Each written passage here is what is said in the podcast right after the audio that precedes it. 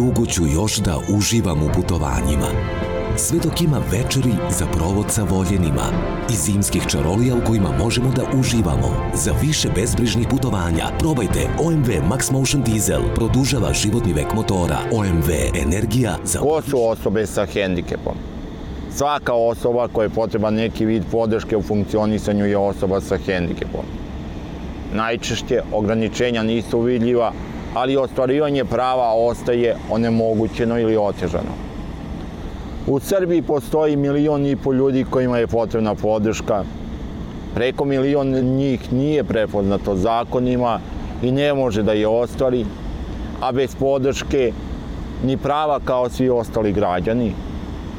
Država u kojoj milion ljudi ne može da ostvari svoja prava nije država svih građana, jer ne mogu svi da učestvuju u društvu.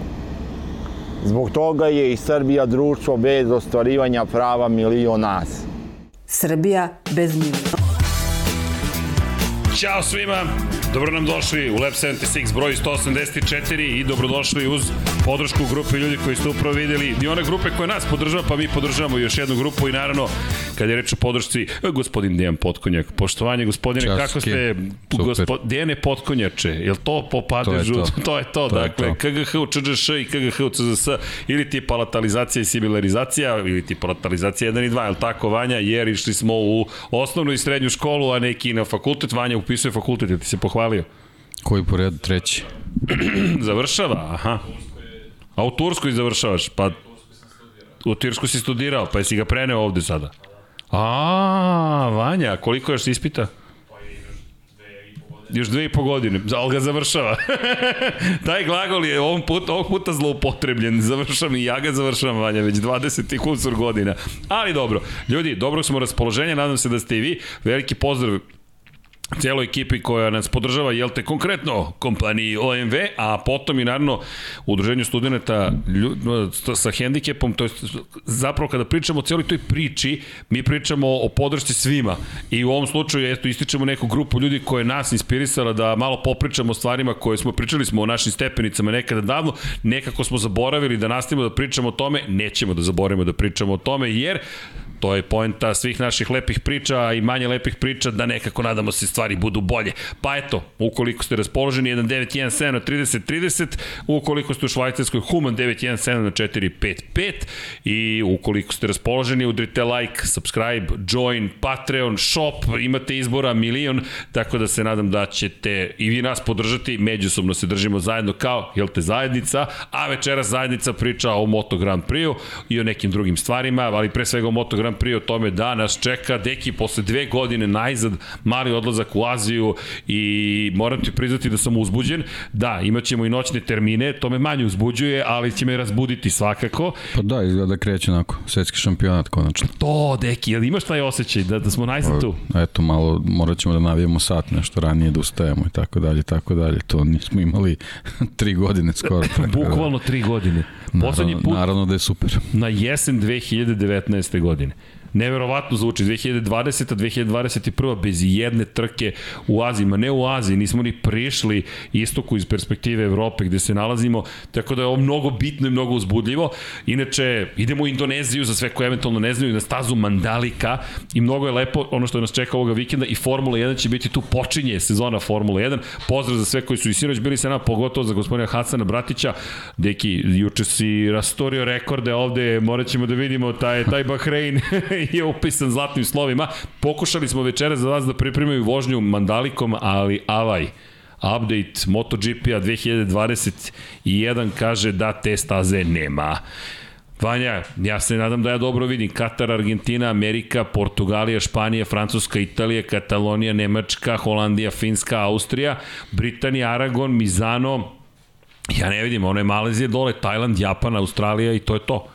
U svakom slučaju, Biće prilike kad dođemo u Finsku, makar da vo... možemo danas da vozimo Kimi Ring kada već imamo novu stazu, da odemo malo u Finsku, ali nažalost nema Indonezije. Moram priznati da sam se nadao da će pred ovu trku nekako izbaciti milestone.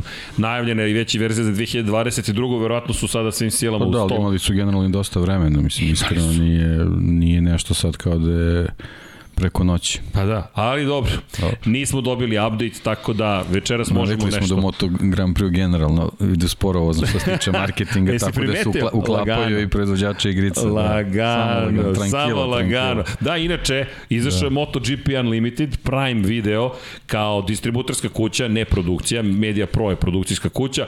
Dosta tu problema je bilo na globalnom nivou, ali ovoga puta mi preskočeni na ovom tlu i ne znam da li ste gledali, ukoliko niste, pogledajte, vredi iz perspektive toga što dosta podsjeća, sad smo komentari se niče, gospodin Batman nam je bio malo pre, hvala, tražio da ostane, jel te, neimenovan, pa je dobio nadimak Batman, ali gospodin B nam je doneo nama, meni aparat za kafu, pošto Deki ne pije kafu, Vanja ne pije kafu, ali sve to nadoknađuje gospodin Srđa, tako da sva ta kafa biće popijena. Ako voli kafu na OMV, trknite pa uzmite kaficu.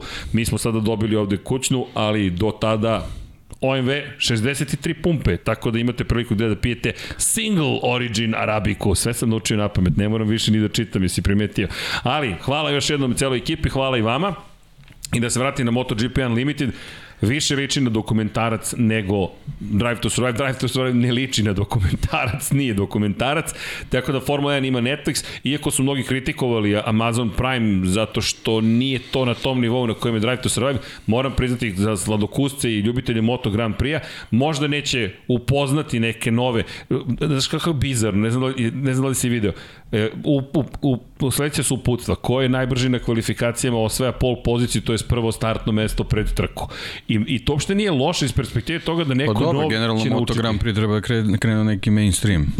Formula 1 je to davno i sad taj termin što si rekao nije na nivou Drive to Survive, to mi u ovom slučaju nema težinu nikakvu, Nikakvu. apsolutno nikakvu. A- Težinu ne krenu oni svojim putem, pa ćemo vidjeti kako će se razvijati taj serijal. Ako, ako budu put. nastavili. Da. Ja mislim da je ovo vama lep put. Bili su Dobro, sada... ne znam, moram priznati, nisam, nisam pogledao, tako da ne mogu da komentarišem na taj način, ali ne bi uopšte trebali što se toga tiče da se vezuju za bilo šta vezano za promociju Formule 1, nego ne krenu svojim putem. I za sada to ide nekim svojim Imaju, putem. imaju svoj, svoju strast, imaju svoje navijače i, i nek se tako ovaj, usmere i mislim da je to najvažnije. E, kad pričaš o strasti i navijačima u Indoneziji, ljudi, naslov nije slučajno MotoGP haos u Indoneziji, bukvalno je haos u pitanju i kada pogledamo tamo samo što ih ne otimaju sa motocikala, imaju specijalno obezbeđenje Francesco Banjaj koji prilazi živici i za njim trči četiri, tero, četiri, četiri terohranitelja, ne bili sprečili publiku Dobro, manje više da, da mogu to je da Moto Grand. Prix. Sjeti se nekih herojskih Jeste. trka i, i, i u Moto Grand Prix, jer i, a i ranije koje naši neki stariji slučajoci sigurno se sećaju grobnika, ne moramo da idemo dalje. Kako je to ludilo bilo za vikend u, u, Opatiji i i okolnim mestima, nema šta, mislim, motociklizam donosi tu, tu neku stvarno posebnu atmosferu i, i, i tako i treba da bude, i u stvari eto, i Mandalika je, Mandalika je primjer šta je Moto Grand Prix. Um, Moto Grand Prix je Moto Grand Prix. Bukvalno to je, na mislim, najbolji opis. I imamo priliku da vidimo jednu novu državu posle 25 godina kako će postati domaćin. Inače, ovo je jedno od najvećih i najvažnijih tržišta za sve proizvođače motocikala, tako da Mandalika nije slučajno tu, nije Indonezija tek tako se pojavila odjednom u kalendaru, naprotiv, mi pričamo prosto o ne samo kompanijama koje žele da se tu pojave, već i u celoj kulturi koja u Aziji postoji. Moto, vožnje motocikala i Mandalika je samo jedan od primjera pre čemu je staza veoma brza, imali su priliku da testiraju, to je ono što je sjajno, u predsezoni najbrži je bio inače gospodin koji vodi u šampionatu sveta i čovek koji je pobedio očigledno na prvoj trci sezone, ni manje ni više neko koji je i šampion sveta Moto2 kategorije Enea Bastianini na privatnoj mašini Gresini Racinga, prošlogodišnjem Ducatiju, tako da će ovo biti zanimljivo, ali pričat ćemo najvama šta nas tamo očekuje, nego samo sam morao da spomenem Bastianinija, izvinjam se, ali posle 25 godina mi odosmo u Indoneziju i ima tu zanimljivih priča kada je reč o indonežanskom, o velikoj nagradi Indonezije, indonežanskom Grand Prix, htedoh reći, a to je zapravo da je staza kada je održala, kada je dva puta zapravo bila održana trka u MotoGP-u, Valentino Rossi je tamo vozio i zabeležio jednu od pobjeda od 125 kubika, ali ono što je bilo zanimljivo zapravo je vrh države insistirao da se u Sentulu održe tr trke i mi smo imali samo dve velike nagrade Indonezije 1996 i 1997. Ono što je specifičnost u toj celoj priči jeste zapravo bilo da je to bilo delo zapravo sina, možemo reći, suverenog vladara Indonezije i mi smo imali jednu bizarnu situaciju da zapravo političari dizajniraju staze. Tako da, idemo na mesto koje sada nije dakle dizajnirano zahvaljujući to jest zahvaljujući političarima možda jeste ali nije političari dizajniraju to ono što je vrlo interesantno Hutomo Mandala Putra sin inače predsednika Suharta je bio čovek koji je zadužen za, za izradu staze i on je promovisao celu priču i na kraju smo imali dve čudne trke na jednoj relativno kratkoj pisti, ali eto, vraćamo se na mesto gde je pre 25 godina preko 50.000 ljudi uživalo u nekim sajnim trkama. Rossi pobedio u najnižoj kategoriji, Max Biaggi slavio u 250 kubika, tada Yuki Okada u 500, što je bio redka pobeda te sezone u 1997. nekoga ko se ne zove i preziva Mick Duan, inače Mick Duan je 1996. tu slavio.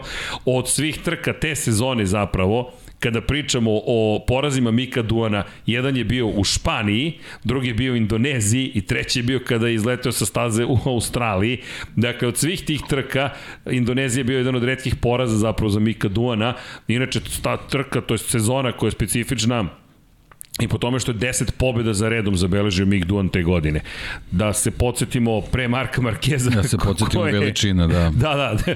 Te 12 pobjeda te godine. Da se podsjetimo stvari čoveka koji je podigao Moto Grand Prix na drugi nivo. Jeste. On je preteča Valentina Rosija, on je digao svojim brzinom, ne nastupima pokraj na stazi, u stvari na stazi trk brzinom, ali ne kroz show, već samo kroz čisto trkanje kroz i dominaciju. Kroz trku i pripremu za trke. Jeste. Biciklizam, vežbe vrata. Pa otprilike, Mick Duan i Ayrton Senna su dvojica vozača koji su na neke druge nivoje podigli nešto što je već bilo poznato u tim sportovima. I, I kada pričamo, pa, pa da, kada pričamo zapravo o razvoju motociklizma, u velikoj meri tu počinje, inače Mika Duana često su spominjali Mihael Schumacher i kompanija, to jest i Mihaela Schumachera su spominjali Mik Duan takođe i njegova kompanija, zašto? Pa Mihael Schumacher je bio jedan od redkih koji je mogao da prati Duanove treninge.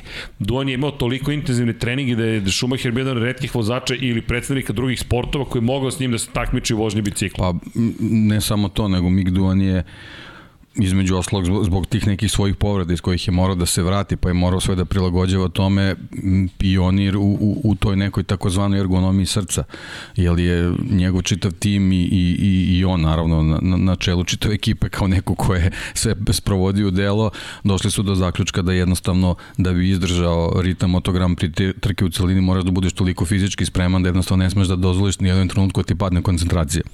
I on je u stvari, u stvari svojom fizičkom pripremom a, radom na, na, na toj ergonomiji srca, ali generalno i čitavom fizičkom pripremom dovodio do toga da bukvalno je bio u stanju da, da trku od samog starta, bukvalno od prve krivine pa do poslednje vozi u istom tempu, što u tom trenutku niko od vozača nije mogao da prati. To je sada standard, zlatni standard, praktično to moraš, ali Kaže, e, inače, Panki 011, Deki potpisao za Nike kada niste uradili dukseve. e, Nike je ovo platio, ne, ali, ali dobro. Zguženo je, ne vidi se. da, da, ne vidi se uopšte. Pa dobro, dešava se, ali moramo da moramo dukseve da napravimo. U svakom slučaju, e, Formula 1 kaže MS993 u senci Moto Grand Prix ovoga vikenda. Pa, iz jedne perspektive biće u senci, u drugoj teško posle scenalne sezone noviteta koje sprema Formula 1, ali nema veze, mi ćemo sve da ispratimo. Ali ovo što si rekao je fascinantno koliko je Mick Duan zapravo učinio za sport. Nekako Rossi je taj koji ga je zatim stratosferu poslao, ali činjenica je da, da kada govorimo o Miku Duanu ima ozbiljno nasledđe zapravo Mik Duan u, za kompletan sport i ono što je bilo neophodno učiniti, ono što je Rossi često govorio kada je ušao u 500 kubika, od kada se Mik penzionisao, svi sporo voze u 500 kubika. Pa da, i, i kad si već spomenuo 500 kubika, ovaj, motocikli koji su nasledili te, te, tu, tu, te čuvene dvotočkaše iz kraljevske klase, Mik Duan učestvovao u razvoju tako da i, i on i dalje ima traga praktično ovaj nekog indirektnog onome šta, šta sad gleda u Moto Grand Prix. Uh, ovo Moto Grand Prix da otišlo na neki novi nivo, inače ima... Pa da, ovo je sad novi nivo, ali bukvalno do, do prošle sezone Mick Duan je prilično ovaj, imao potpis u, u svemu šta smo gledali. Čekaj, gde nam je potpis? Da, i potpis, da. tu je da. potpis Mika Duana. Tako da Mick da. Duan je legenda, apsolutna legenda. I kada govorimo o o, o prosto Indoneziji, ostavio je tamo trag. Zanimljivo je ta trka 1997. To je bilo veliko iznenađenje kada je Tadayuki Okada zapravo zabeležio pobedu. Inače, govorimo o jednom neizvesnom finišu. 69.000 tih delova sekunde ih je delilo na kraju te trke. Dakle, mi govorimo o trci u kojoj su se njih dvojica u potpunosti izdvojila. Inače, četiri Honda su izdominirale. Mali uvod prosto u istoriju Indonezije. Tadayuki Okada 69.000 tih delova sekunde ispred Mika Duana sećam se tog perioda, ne mogu da kažem cijele trke, ali znam taj moment, tad je pobedio, neverovatno, ne, nemoguća misija se desila i prekinuo taj niz od, posle 10 pobjeda Mika Duana, a mi tu pričamo o periodu koji nije viđen od Giacomo Agostinija praktično i Duan koji je došao u Indoneziju dosta su, sam uveren, 10 sekundi su bili ispred Aleksa Krivija. Tada. Pa evo vidiš kako je sve povezano, kako smo uh, vezano za, za prošlu trku Kataru i pobedu Enea Bastianinija pričali o, o, o prethodnoj pobedi Gresinija koji isto bila mrtva trka Rosija i, i Elijasa. Elijasa, jeste. Da. I fascinantno. Eto vidiš tako i u Moto Grand Prix imate izda, onako baš fascinantnih momenta i, i u prošlosti.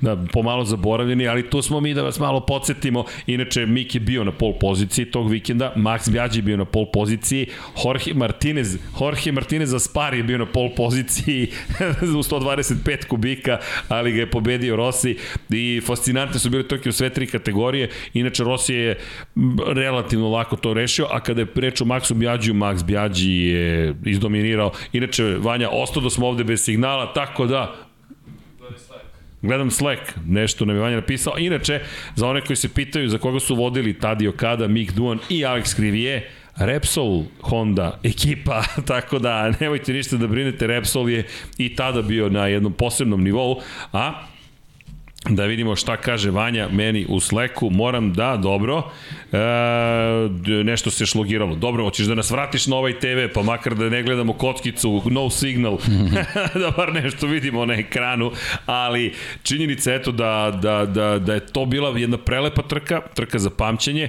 tri velikana su mogle da stoje na pobjedničkom postoju, tada je Kado, ne znam da li bih nazvao velikanom, ali pošto sam pristresan i Japanac je, svakako je velikan, Tadio Kada, pa u krajem slučaju pobedio Mika Duana. I to je velika stvar. No, godinu pre toga Miki jeste ovde zabeležio pobedu i ne samo to, mi smo imali priliku tada da gledamo u Indoneziji zapravo dolazili jednu čudnu pistu, svi su se tresni manje više na toj pisti, Masaki Tokudome pobedio na Aprili, inače na Aprili slavio i Valentino Rossi u 125, a Tetsuya Harada na Yamahi u 250 kubika šta smo sve imali tada. E sad, šta će se događati u Moto Grand Prix, u Moto trojkama, Moto dvojkama, niko ne zna, ali ćemo iskoristiti činjenicu da smo testirali ovde, kao i da vas malo podsjetimo na ono što smo imali prilike da vidimo na prethodnoj trci. Ljudi, u ovom momentu, da, Enea Bastianini vodi u šampionatu sveta, obrnio kreni deki velika stvar i moramo da krenemo od Enea Bastianinija i način na koji je pobedio i činjenica da je bio najbrži u predsezonskim testiranjima ovde, govori da možda neće pobediti ponovo, ali bi mogao da ostane vodeći u šampionatu, a možda će i pobediti. Pa da, već smo pričali o tome, mislim, generalno o, na, o, što se tiče ovog početka sezone, moramo da se oslanjamo na neka iskustva od, od prošle godine i neka saznanja, a to je da, posebno eto kad je, kad je reč o Ducatiju, da da su nekako ovaj, satelitski timovi pripremljeni od, od, od fabričke ekipe. Uh, očigledno da je Gresini na pravi način iskoristio ono što si ti najavljivao ovaj podatke koji su već već posjeduju vezano za za GP21 o, imaju eto vozača koji nesumnjiv talent i kvalitet pokazao i čovjek koji sad već ima iskustvo od godinu dana dodatnih u, u, u Moto Grand Prix-u, ono, više uspona nego padova, ali generalno sve, sve što se dešavalo u 21. njemu je poslužilo kao iskustvo i evo sad dolazimo na neku stazu gde generalno svi imaju gotovo identičan broj prevezenih kilometara i, i naravno da njega moramo da stavimo kao, kao čoveka koji ima neku, neku prednost u, u čitavoj priči. Je sad ja sam gledao neke ono kombinovane rezultate vezane za, za, za, za zimska testiranja koji smo imali na, na, na Mandaliki, ovaj, Mandaliki, Mandalici, nemam pojma. Da, da, da moram da proverim. da. Ima to okay. sa C, da, da, dobro. Ja ću da na, na, na ovom starom, starom odnom na, ovaj, na, na Mandaliki, ovaj, generalno ponovo Ducati nam nije bio tu u vrhu kad se, kad se saberu ovaj, neki, neki rezultati, ali kažem, eto, zbog svega što se desilo u Kataru moramo Eneu da, da stavimo u prvi plan. Pa da, Enea koji ima taj spektakularan krug 1, činjenica kada gledamo tempo, ima tu raznih priča i Yamaha bi mogla da odigra svoju ulogu, Honda bi mogla da odigra Suzuki svakako, međutim, ajmo da se držimo za sada Enea, Enea imao taj brz krug, ono što je više od tog brzog kruga bilo meni nekako indikativno jeste njegov stav. S lakoćem sam ovo stvari, ima tu još mnogo prostora i to je izjava koja negde i najavila ono što se desilo kasnije u Kataru, tu prvu pobedu u karijeri u Moto Grand Prix. Pa, apsolutno i on je ono, kao što smo i pričali, jednostavno zaista koristi glavu uh, u, u, u nekoj kalkulaciji uh, krugova pred njim i generalno neko, nekog finiša čitave, čitave priče, a eto ima motocikl koji mu daje samopouzdanje da zaista može tako i da i da ovaj postavlja situaciju vezano za, za taktiku za trku. E sad, spominjao si ko se tu sve pojavljuje, sad mislim možemo da, da, da malo raširimo priču, ali da, da ne deluje, da, da, da sad kratim sve, ovaj, generalno mislim da bismo trebali da, da ovaj, prilično obratimo pažnju na, na Repsol Honda, po meni posebno Pola Espargara. Svi spomenju sve više Pola Espargara i nekako se i naslanja na ono što smo videli u prethodnoj trci. Da, Brad Binder je drugi u šampionatu sveta na KTM-u, ali ja bih ga isto preskočio na sekund. Na sekund jer Pola Espargaro zaslužuje ozbiljnu pažnju. Način na koje je vozio, na način na koje je pričao i kako je delovao na motoru, deki ja se slažem, deluje kao čovek i kao nešto što na šta moramo da obratimo pažnju. Pa, uh izdanju Kataru, apsolutno. Znači tu su, tu su sad te neke, neke finese koje su Repsol Honda sad, sad još potrebne da bi, da bi Pole Spargaro mogao da bude u situaciji da može da, da, da izgura ovaj, kompletnu trku onako kako je, kako je zamišljeno pre, pre njenog starta, a, a sa druge strane, kaže Mandalika i, i te, ti, ti neki krugovi koje, koje je vrteo tamo i kako u stvari generalno Repsol Honda izgledala na tim testiranjima, a, apsolutno se apsolutno se uklapaju u tu neku sliku da, da bi trebali da, da, da ozbiljno gledamo u, u garažu Repsol Honda tokom pre svega ovih treninga vezano u pripremama za trku. E, pričat ćemo još o tome šta od koga očekujemo, ali kada pričamo o samoj stazi, to je bitno u kontekstu uvoda, od 17. krivine do 5. krivine je postavljen novi sloj asfalta. Bilo je dosta problema u predsezonskim testiranjima kada je reč o pesku. Olu je nanela pesak, kiša koja je padala je pretvorila stazu manje više. Mada danas Beograd koji je u Beogradu žuta kiša, pesak sa svih strana, možemo da paranoišemo. Afrika u Beogradu. Ali to je Afrika, upravo sam to htio da kažem. Sahara nije tako daleko globalno posmatrano i nije prvi put pa da... Pa dobro, da nije prvi put da, da dešava se to u Beogradu. Tako je. Da. Kao što dođe hladni talas sa Sibira kada pređe Ural pa se spusti ovamo pa bude hladno kao što je bilo hladno, tako vam dođe iz Afrike Bukvalno pesak, inače to je nešto što, što i u Severnu Ameriku stiže, kada pređe preko Atlantika imate bukvalno delove gde, zapravo stiže, pa i priroda stiže tim putem vazdušnim pa da, da, na drugu stranu. to stvarno brzo odradi, a generalno nema, nema šta da zaustavi kad krene iz Afrike. Kad krene iz Afrike ja. nema. Tako da, da, malo Afrike, ali ovde, ok, ovde neće biti Afrike, ovde će baš biti da, Azije. Je, mislim, ono, jeste onako simpatična priča, ali generalno može da se stvori slika kako to izgleda kad se na, na asfalt nanese taj pesak, stvarno nije, nije prijatno. Ne, nije prijatno i dosta da. klizavo i ono što je pitanje sada naravno kakav je posao učinjen, ono što je prelepo jeste atmosfera koja je stvorena, dakle kada je reč o publici, inače Carmelo Espeleta, šef Dorne, kompanije španske koja je vlasnica komercijalnih prava za ceo šampionat, je prezadovoljan prijemom koji su doživjeli u Indoneziji i rekao ovu Moto Grand Prix zaslužuje. Složit ću se, apsolutno zaslužuje i ono što si rekao, tako je lepo videti ponovo i drugo lepo je videti ljude da smo ponovo tu nekako. Ma ja mislim da, da, da si vozači to, to da će to stvarno biti dodatna motivacija posebno što, što dolaziš u neku sredinu, eto, mislim, jeste kao bilo je neki trka u Indoneziji, ali ovo bukvalno možemo shvatimo kao neki debio, već je to je pričalo, ovo su sve momci koji nisu tamo nikad vozili i, i, i, i gomila tih nekih navijača koji se pojavili, vjerojatno nisu imali prilike da budu na toj prvoj trci, tako da to je bukvalno debi za sve. Da, inače, kada spomenjamo Indoneziju, Prelepa će biti scenografija. Obratite pažnju na lepotu, ovo je prilika Indonezije turistički da se predstavi celom svetu. Ostravska zemlja, prelepa zemlja za oni koji su bili, verujem da nema potrebe posebno da ističemo, ali činjenice da ovo prilika da se predstave delovi sveta i na ovaj način i mi ljubitelji Moto Grand Prix ćemo doživjeti nešto nezaboravno. Kogod je gledao predsezonska testiranja zna o kakvim kadrovima govorimo, kakav je krajolik u pitanju, ali eto da spomenemo. Međutim, taj krajolik donosi nekoliko izazova kiša, donosi nam pesak na stazi i donosi nam ultra visoke temperature.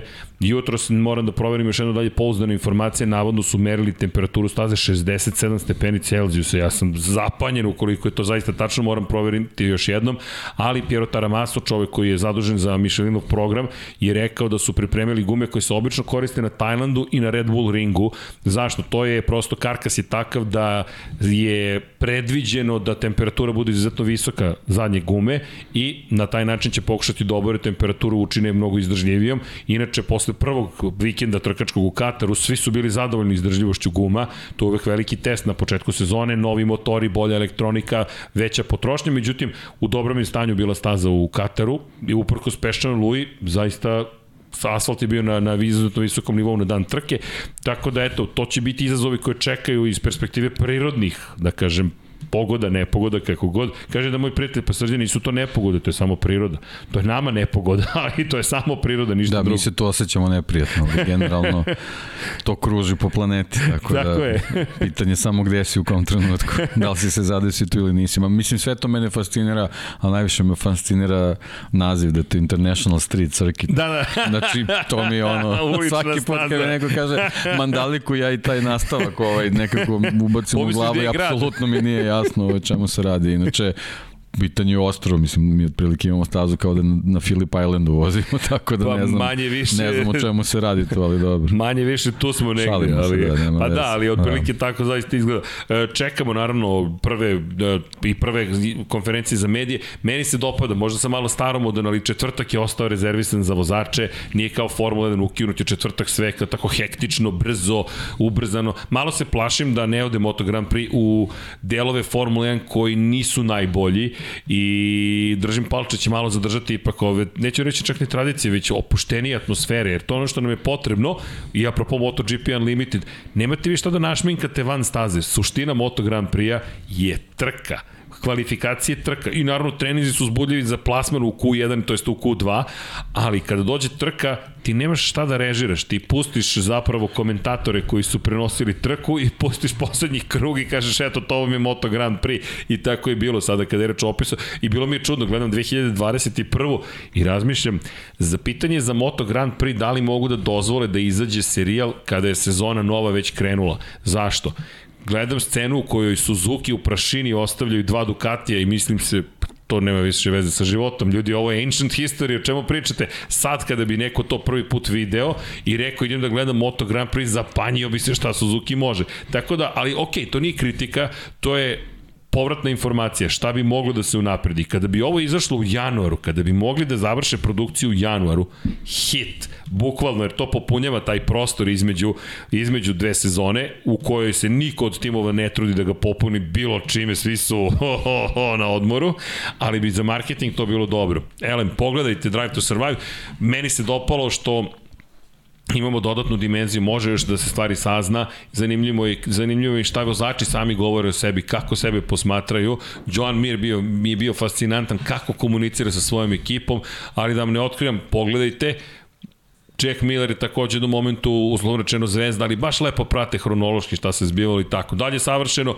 pa šta je savršeno, osim Lab 76, ali činjenica je da, da je nešto lepo novo što se desilo. Pa da, ali generalno i, i ta priča oko Moto Grand Prix je naravno manje, mnogo više u meri Formula 1 potrebna stvarno ne, ne, neka grupa scenarista koji, koji prate taj sport i stvarno Jest. razumeju suštinu.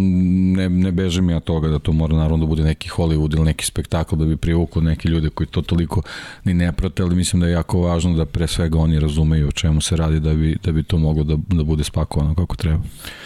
E, čekamo nastavak cele priče, pa ćemo da vidimo zapravo naredne godine dok li će to stići, ali eto, pružamo podršku ako, se, ako nas neko nešto pita. Elem, da se mi vratimo stazi i to je ono što je najvažnije. Enea pa Paul, Enea uspomenjamo jer je vodeći u šampionatu sveta, Paul deluje zaista odlično. Brad Binder, misterija zvana Brad Binder, zvana KTM, ne, ne znam i dalje šta bih rekao na Pa da, KTM-a. ne, KTM. Ne znam da li je zaključak Binder ili KTM. To je ono što nam, Da. je, što nam je u stvari najveća, najveća misterija. Ali ponovo vratit ću se na te rezultate sa, sa zimskih testiranja KTM-a nije bilo nigde.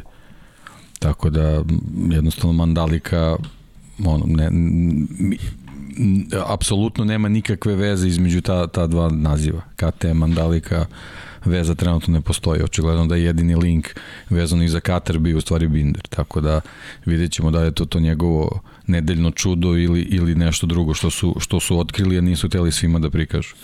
Ja nemam zaista nikakav utisak, čak ni nekako emotivno, pa kao gledaš u kristalnu kuglu, odnosno ne, nemam nikakav apsolutno utisak o tome šta bi oni mogli Ja, jedino što je dobro i što je onako stvarno ohrabrujući za njih, on je, on je delovao jako sigurno na, na, na toj poziciji i, i ono, ono vreme koje smo mogli da ga pratimo u prenosu što- ovde, ovaj, pošto ja nisam imao uvidu ta neka vremena po krugu u, u realnom vremenu, ovaj stvarno je delovao da da ispod sebe ima mašinu koja ozbiljno konkurentna može da bude. E Sad, da li je to samo ovaj, trenutak u, u Kataru ili neka njegova inspiracija, eto već, već sad možemo za ovaj vikend da vidimo pa, pa ćemo da analiziramo onda posle toga šta je to sa KTM-om i sa Binderom. Da, uvek imamo zadršku u prvih nekoliko trka, međutim činjenica je da, zaista je činjenica da nam ovo donosi eto, neke nove informacije i prvi put da ćemo biti na stazi na kojoj je testirano, obično je to bio Katar, ove godine to nije slučaj. Druga Dobro i sezone. generalno, izvini, super Naravno. je, super je potez da se testira na stazi koja se prvi put vozi.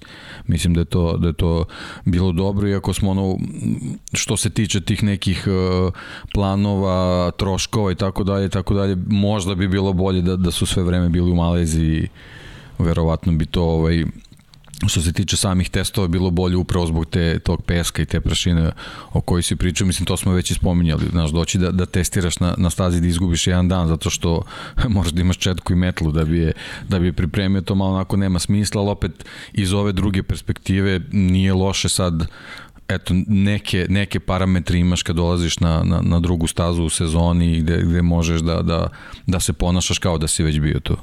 Da, kao što si rekao, dobar potez, bolje Dobar je bilo potez u tom Katar. smislu, ali da. generalno izgubili smo jedan dan testiranja. Sad to ćemo videti dugoročno da li će ostaviti neke posledice, ali generalno što se tiče same Mandalike i dolaska na nju, nije loše što su već bili tamo. smanjuje i mogućnost, moram da napomenem, da nečega nepoželjnog, s obzirom na činjenicu da je Mark Marquez, čovek koji ima ne samo osam titula šampiona sveta, već i jedan od hrabrijih vozača, ukoliko možemo da merimo hrabrost kod ovih ljudi ili komparaciju da pravimo ko je hrabriji, to su, svi su ultra hrabri, ali on je rekao da je taj sektor broj 2 za njega veoma opasan.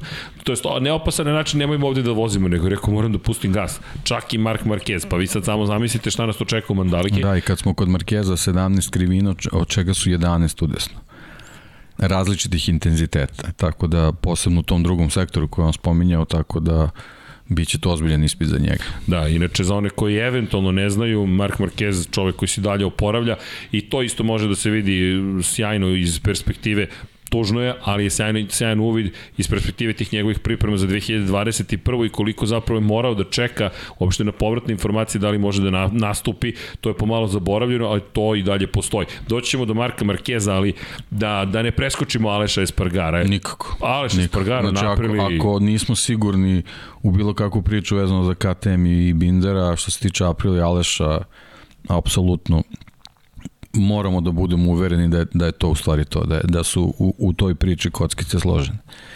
I da je samo trenutak kad će da, da, da bude onako naplaćeno u pravoj meri. Da, ono što je negde opšte hajde da kažemo, uvraženo mišljenje postalo da je nekako u, u, u kasnoj fazi karijere dobio najzad motocikl koji zaslužuje. Ja mislim da je ne mogu čak ni da, da, da, da, da se složim s tom konstatacijom da je dobio, on je baš to sam da debelo kažem. radio da bi, da bi došao od tog motocikla i zato je apsolutno potpuno zasluženo da, da, da bude u poziciji da, da sme da se nada bukvalno svakoj trci da će naći na pobedničkom postolju.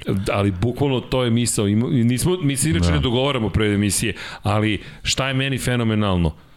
Koliko je on radio na sebi da bi sebe podigao na viši nivo. To nije čovek poput brata Pola koji je osvojio titulu šampiona sveta Moto2 klase, koji ima pobede. Aleš Espargaro nema ni jednu pobedu u karijeri u svetskom prvenstvu, a sebe je pretvorio mukotrpnim radom i fantastičnom disciplinom u čoveka koji vuče celu Apriliju već godinama i pobeđuje Maverika Vinjalesa, koji je važio za budućeg šampiona sveta Moto Grand Prix klase, koji ima pobede u kraljevskoj kategoriji, koji ima titulu u Moto 3 kategoriji, koji je pobeđivao u Moto 2 klasi i koji je bio izabrani momak što za Suzuki, što za Yamahu, Aleš Espargaro njega pobeđuje. Dakle, da Aleš Espargaro i ta četvrta pozicija sa, iz Katara su nešto posebno. Samo 2,2 sekunde iza pobednika. Sada već podrazumemo da će se desiti ponovo plasma na pobedničko postolje. Držimo i Palče će zabeležiti pobedu. Mislim da bi to bila baš kruna, baš zaslužena nagrada za sve što je učinio. Ali ako bih nekom odao posebno priznanje, to bi bio Aleš Espargaro. Aleš Espargaro konstantno dobar bio, što na prvoj trci sezone, što u, u, u ovaj, predsezonskim testiranjima i ono što može da bude ohrabrujuće za, za Apriliju, pre svega za, za Maverika Vinjalesa koji ponovo apsolutno potonuo u Kataru na stazi gde, gde u prošlosti, možemo slobodno da kažemo, dominirao u, u, u nekim trkama, ovaj, e, on je tim predsezonskim testiranjem bio jako blizu Aleša, on otprilike su negde na, na desetinku dve bili, tako da ovaj, Aprilija mislim da u ovom trenutku prema što se izađe na stazu možemo kažem da dolazi sa dva spremna motocikla i ja se eto iskreno nadam mnogo puta smo pričali i o Maveriku da, da, da ovaj, ne znam, nisam više siguran da on stvarno može u kontinuitetu da, da kad, kad krene da zablista da, da, da to traje, ali ako već ni u Kataru nešto pokazao, bar se nadam da će, da će na, na Mandaliki posle svih tih dobrih rezultata na testiranjima ovaj, eto, nešto i on uraditi da, da bar uh, se donekle podigne, pošto ponovo deluje da je, da je potonuo. Znaš kako počinje MotoGP Unlimited? Ovako. Maverick Vinales, da li je to ta sezona? nekako miriše kao da je sezona u kojoj može da postane svetski šampion. Ja gledam sa, sa znanjem šta će se desiti za par meseci i razmišljam, wow, a onda ide odmah komentar, evo pobedio Maverick, ali toliko puta do sada se dešavalo da kada pobedi vrlo brzo nestane. Pa da. Ista priča. Pa deluje mi da uz, uz prezime Vinjales više ne možemo da stavljamo termin sezona nego trka. Da. Bukvalno trke do trke i, i, to je ono što što je njegova realnost nažalost zaista ono, sjajan vozač, izuzetno talentovan, ali eto, postoje te neke prepreke iz nekog razloga, ovo eto, da, da on čak ni na stazi koju, koju stvarno ono, žmurečki vozi kao što je Katar, da, da ni tu ne može više da, da u nekom trenutku ovaj, pruži maksimum, da li, eto, zbog te njegove nesigurnosti koju, koju ispoljava ili iz nekog drugog razloga, zaista ne znam, ali mislim, nadam se u stvari Mandalika da, da će biti ovaj, dobra prilika za aprilu da ima dva motocikla u vrhu. Pazi, držim palčeve, jer bilo bi lepo i za Maverika i za Apriliju, ali čak i Deki se smilovo na Maverika, tako da... Pa ne, okej, okay, na, men, ja sam onako kako bih rekao, negativno nastrojen prema njemu, pre svega zato što zaista mislim da je, da je sjajan vozač i da, da, da... Može mnogo više. Da, može mnogo više. Ne mogu sad da kažem da ne zaslužuje da, da, da, da ima takve izdanja kao što ima u Kataru ili u prethodne dve sezone, ali jednostavno on je taj koji, koji diktira tu čitavu priču. Ne, ne, nisam više siguran da li zaista može da se ljuti na, na bilo koga oko. Mislim, jednostavno ne možeš da, da, da nastupaš u, u jednom od najvećih uh, svetskih automoto šampionata tako što dolaziš s uverenjem da je univerzum protiv tebe. Mislim, to, to jednostavno ne može tako da bude. Ti si taj koji je perjanica u toj priči u tom trenutku i ti si taj koji trebaš da vodiš tu priču na kraju krajeva i u april je doveden da bude perjanica. Pa jeste, i, i to na poziv Aleša Espargara, koji uopšte nije imao strah od toga da će neko preuzeti njegovu... I to je vrhunski gest, zaista. Jeste, zaista. prijateljski gest, a oni su zajedno vozili u Suzuki i Vinjales je tamo zabeležio pobedu. Aleš Espargaro nije čak ni plasma na pobedničko postolje u Suzuki imao. Ali nije imao problem da kaže ne, taj vozač je kvalitetan, on je nama potrebno. Tako da, kudos što kažu svaka da, čast Alešu Espargaro. Apsolutno. Mark Marquez je na poziciji broj 5. Idemo malo hronološki, to nam je prilika prosto da se podsjetimo prve trke. Mark Marquez kažu katastrofa, peta pozicija, samo 11 poena i to pitanje da li Mark Marquez može da se bori za titulu i da li je zaista došao moment kada možemo da konstatujemo da je prošlo njegovo vreme ili je to prerano za zaključiti posle samo jedne trke u 2022. Pričali smo i o tome posle, posle Katara jednostavno sezone koja traje toliko koliko traje posle jedne trke besmisleno uopšte razmišljati na taj način o, o bilo kome, posebno ne o, Maveriku, o, o Marku Markezu, čovjeku koji ima takvu reputaciju, mislim to ne može više ne se zove reputacija, to ako može na neki stepen više da se doda neki termin, to je to, to je Mark Marquez, pa apsolutno tako. Mi da, pričamo o čoveku koji je postigao nešto što je postigao Mick Duan da, poslednji pre Kažem, mislim, pričali smo, ponavljamo se, ali nema veze, čisto da, da podsjetimo malo, da. konstataciju, znači Texas, ta staza će nam pokazati ili imamo pravog Marka Markeza? Mišljenje sam pogotovo posle MotoGP Unlimited da malo, malo gledajući iz ove perspektive i opet apropo onoga što smo videli u Kataru da je zaista došao trenutak kada je Mark Marquez rekao ovu titulu ako uspem da osvojim osvojit ću tako što ću biti strpljiv. U velikoj meri opet nalazim paralele sa Rosijevom karijerom. Rossi kada je započinjao eru korišćenja Bridgestonovih guma, njegov prvi plasman u prvoj trci sezone je bila peta pozicija I za razliku od Markeza, Rossi je tada ispred sebe imao ključne rivale za titulu šampiona sveta. Inače, pobedio ga je Andrea Doviciozo, između ostalog na Scott Hondi, bio je četvrti veliki uspeh za Andrea Doviciozo, sećam se i dan danas njegove proslave te 2008. koliko je radostan bio Andrea Doviciozo što je pobedio velikog Valentina Rosija, na, u svojoj prvoj trci u Moto Grand Prix. Tada je debitovao na srebrnoj Scott Hondi, inače to je bila stara, stara verzija Honda, ni blizu današnjih situacija u kojima imate četiri fabrička motocikla Hondina, ne, a Rossi koji je prošao peti kroz cilj uopšte nije bio nezadovoljan, iako je to delovalo kao da ništa nije suštinski promenio kada je prešao s Michelina na Bridgestone, tada ste imali više proizvođača u isto vreme, 2007. čak smo imali i Dunlop u upotrebi kod Tech Trojke, žuti, žute Tech Trojke i Dunlop kao jedan od glavnih sponzora, Tako da, Mark Marquez I da, ponovit ćemo se, ali moramo, prosto to je jedino što se desilo. Iza sebe i dalje ima i Jorgea Martina, ima i Francesca Banjaju, koji nisu osvojili ni jedan jedini poen. Mi govorimo o dvojicima maka koji bi trebalo da se bore za titulu šampiona sveta. Fabio Quartararo kao branilac titule deveti, Zarko je iza njega. Dakle, ispred Markeza su Aleš i Pole Spargaro, koji do sada nikada nisu bili favoriti za osvajanje titule.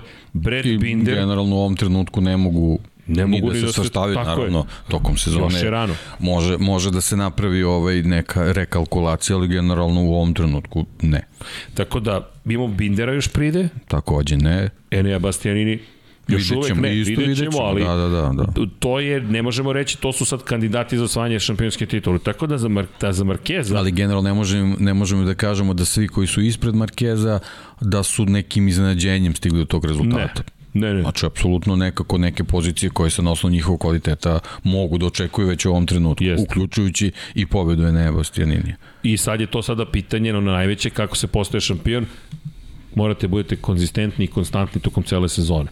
I to je da karta osvajate ko... startne pozicije Tako. u prva tri reda i da trku završavate do petog, šestog mesta. I to je minimum minimuma koji morate tako da imate. Tako. Ranije je to bilo pobedničko postolje, moderni Grand Prix to proširio na prvih pet pozicija i Marquez je bio tu. I definitivno ne smete dozvoliti na, na tabeli da na nekoj trci imate crticu bodovi moraju da budu. To je ključna stvar, bukvalno to je da. ključna stvar, jer ako dobiješ nulu, crticu, a da ponovimo još jednom, crti, dve nule to je crtice, imaju ljudi koji su morali da se bore za pobede.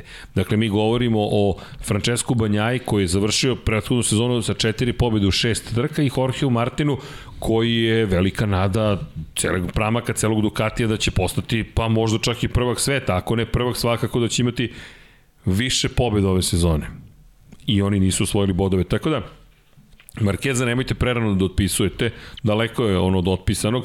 Ono što bi mogla biti njegova eventualno šampionska sezona jeste upravo to.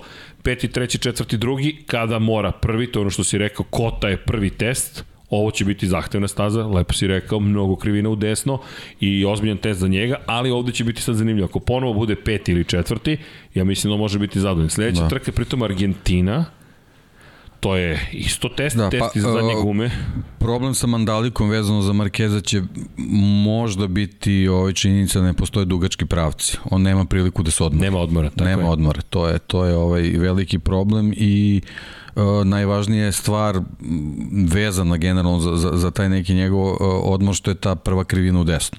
Znači on bukvalno posle, posle tog pravca gde eventualno ima priliku za odmor već kreće ovaj, sa, sa naporom na, u desnu stranu. I opet ide krivina broj 2 je u desno, pa onda idu dve krivine u levo, Da. pa onda imamo taj niz. Tako da bukvalno taj odmor koji, koji ima na pravcu već je potrtu prve dve, tri krivine. Pa tamo do sedme krivine sve je u desno. Da, Peta, šesta, sedma, malo me podsjeća na Istanbul, opet ja o Istanbulu, Istanbul Da, parku, da, ali da. na drugu stranu, Da. u suprotnom smeru i onda imate jednu, imate opet krivina u desno. Pa splet od šeste do neke desete u stvari može da se nazove nekim zadnjim pravcem gde u stvari imaju Jeste. splet brzih krivina koje takođe iziskuju I samo jedna je u levo. opterećenje. Kada tako je, pogledaš, tako samo je, jedna je u levo. Ta je. osma krivina, ta koje, promena koje će smera... generalno možda biti ispravljeno. Sad vidjet ćemo kako je budu vozili, ali, ali generalno to je to je onako splet koji baš eh, zbog tog rasporeda krivinu desno Markezu ne odgovara. I- da je obrnuto možda bi bilo i okej. A pazi, deveta je u desno, Tako deseta je u desno, jedanesta je u desno. je, tako I onda imaš dve krivine u levo i onda opet desno, desno, desno, desno, desno, desno, desno, prilično desno, do brzom poslednje. sektoru. Tako je. U prilično brzom sektoru. Iako on kaže da je drugi brži, a de, meni deluje da je početak trećeg, onako prilično, prilično zahtevan u tom smislu. I, I staza koja je sve oduševila, to moramo da napomenemo, to ne smemo da zaboravimo. To ne smemo da zaboravimo, a bukvalno je oduševljena svaka osoba koja je otišla na stazu iz Moto Grand Prix oduševljena, što krajolikom, što samom stazom.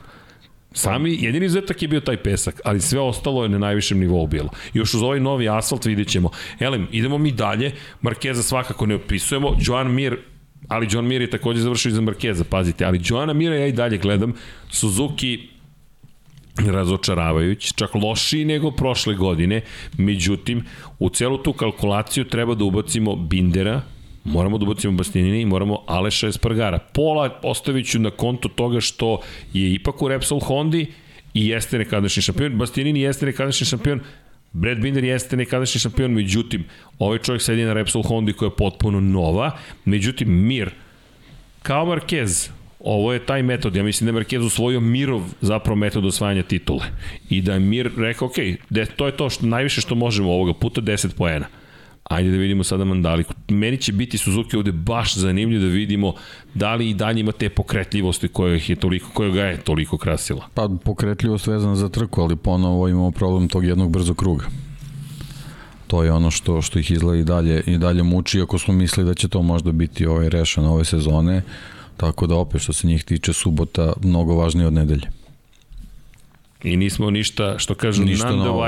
ni, ni, ništa, ništa novo. novo. Apsolutno ništa novo. Tako je. Iako ono, stvarno je delovalo da, da, će, da će priča biti drastično drugačija, međutim nije se to nešto preterano pomerilo.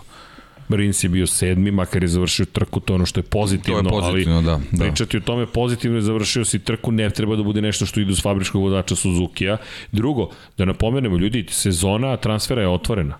Sezona transfera je uveliko počela. Pa, e, da, i to i, i samo da se nadovežem vezano za to sedmo mesto, nije to sedmo mesto kao što je bilo recimo prošle sezone da si ti sedmi sa par sekundi za ostatka, pa kažeš ok, tu sam imam tempo. Sad uh, Katar je pokazao da, da razlike mogu da budu i veće i to je ono što, što ne odgovara u tom, u tom nekom tempu i tim kalkulacijama za trku bukvalno ne smeš sebi da dozvoliš da, da ostaneš u grupi, jer posle, posle samo nekoliko krugova razbiće se taj, taj, ta, ta kolona na, na, na dve ili čak tri grupe, što nismo čak imali ni, ni toliko u prošle dve sezone. Izgleda da ćemo ovoga puta imati i, i te situacije. Ok, to je sad zanimljivo vidjeti. Da li Mandalika može da omogući da ne bude toliko grupa zahvaljujući činjenici da su imali predsezonska testiranja?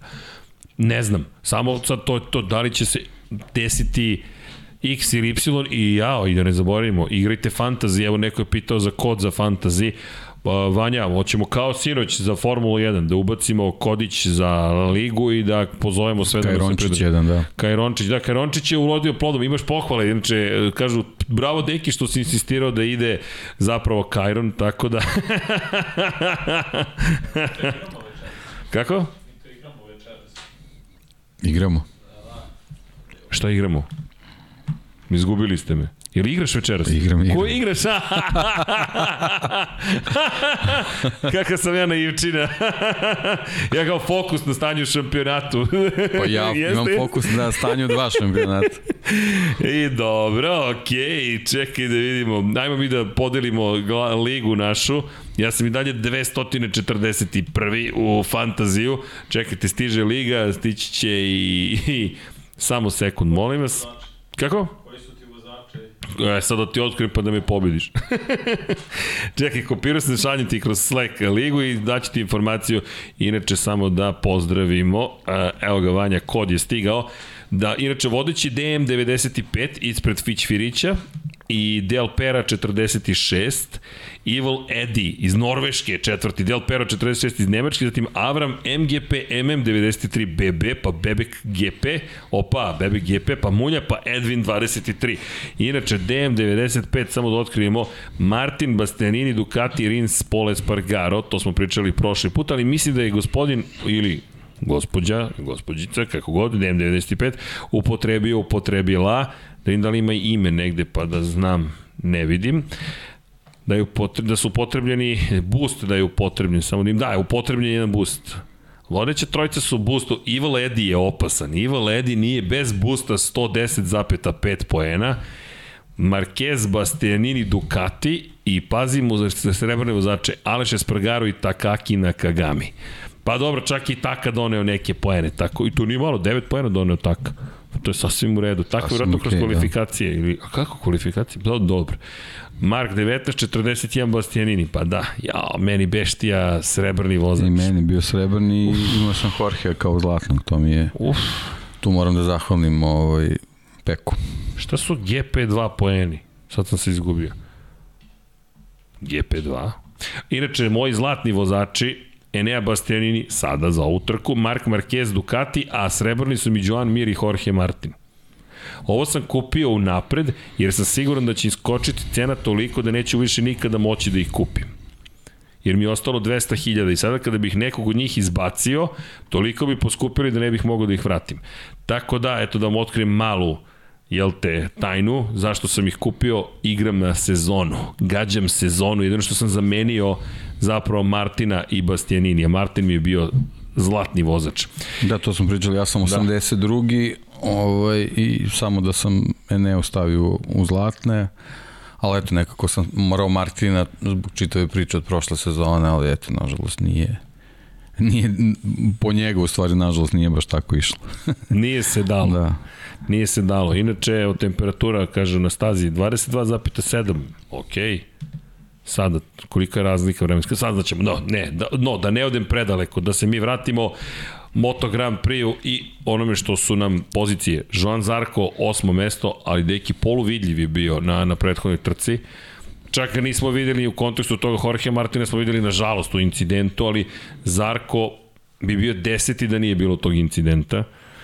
I nekako pa znaš kako generalno nemam nemam nekako poseban uvid u bilo kakve performanse vezano za pramak posebno kad kad pogledamo i predsezonu Tako da ovaj meni ono što što mi je bilo upečatljivo bile su bili su neki rezultati Martina iz Malezije, ali to očigledno nije nije bilo dovoljno da se da se čitava ekipa pripremi bolje za za start sezone i zbog tog pada mi u stvari praktično ni ne znamo ovaj kako bi Martin i završio tako da iz ove perspektive i, i onome šta, onome šta smo gledali u prošle sezoni, Pramak prilično neubedljiv, a Zarko vodi u ekipi kao, kao vozač koji mnogo manje pokazuje nego što se očekuje od njega. Za Martina, eto, jednostavno ne možemo da znamo, jer nije svojom krivicom ovaj, ostao kraj staze.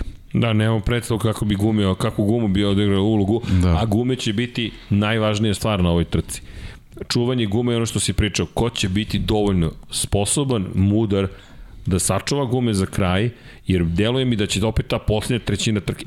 Strategija je postala relativno jednostavna. Ili napadaš u prvoj trećini, kao što je Pole Espargaro učinio u Kataru i uspešno bežiš, što njemu nije pošlo za rukom, ili... Pa dobro, to čekaš, je relativno. Relativno, da. Nije bio loš. Treći je bio i jedna tako greškica, je, inače je. bi bio drugi gotovo sigurno, tako da nije to loše, samo nije pobeda, ali to je sad postao standard da, u Da, u stvari da je bio realan na tom kočenju, bio bi drugi. Bio bi drugi. Binder nije bilo povedio. realno da, da može da zaustavi Bastianini. Ne, znači, ne. To je, ali dobro, to je to iskustvo. To se gradi ovaj, i, i sa tim iskustvom se gradi poverenje u motocikl. Da u stvari samo shvatiš gde, gde su limiti svih komponenti i onda, i onda je okej. Okay. I ono što je i rekao posle trke, a to je taktika je bila nešto drugo, ali me ponelo. I mislim da je to važno iskustvo, mislim da ga neće ponovo poneti situacija jer sada je svestan, siguran i rekao imali smo dobra testiranja ovde, rekao je da će ovo biti dobra prilika za Markeza zapravo da eventualno popravi rezultat, mi ne znamo naravno, mi pre svega gledamo ka fizičkom stanju Marka Markeza, ali Honda deluje da će dobro funkcionisati. I sada dodatak na ovu celu priču kada je reč o Polu Espargaru, dakle i, i, i celoj njegovoj vožnji, delo je da će biti dovoljno strpljiv da u poslednjoj trećini krene u napad i da to može da mu otvori vrata potencijalne pobede. Da, mislim da treba gledati ka Polo Espargaro, da ovo može biti zaista njegov vikend, međutim, da se ne vraćamo nazad, da odemo još jedan korak unapred, Fabio Quartararo. Deveto mesto u trci, deveto mesto u šampionatu, rekao je neću previše se baviti više Katarom. Katar jeste izuzetna staza u kontekstu anomalije i to je staza koja ne daje baš najbolju, najbolju uvid ono što nas čeka u šampionatu, ali nam je prva informacija i prva stanica i ono što se desilo jeste da je izgledala dosta loša Yamaha.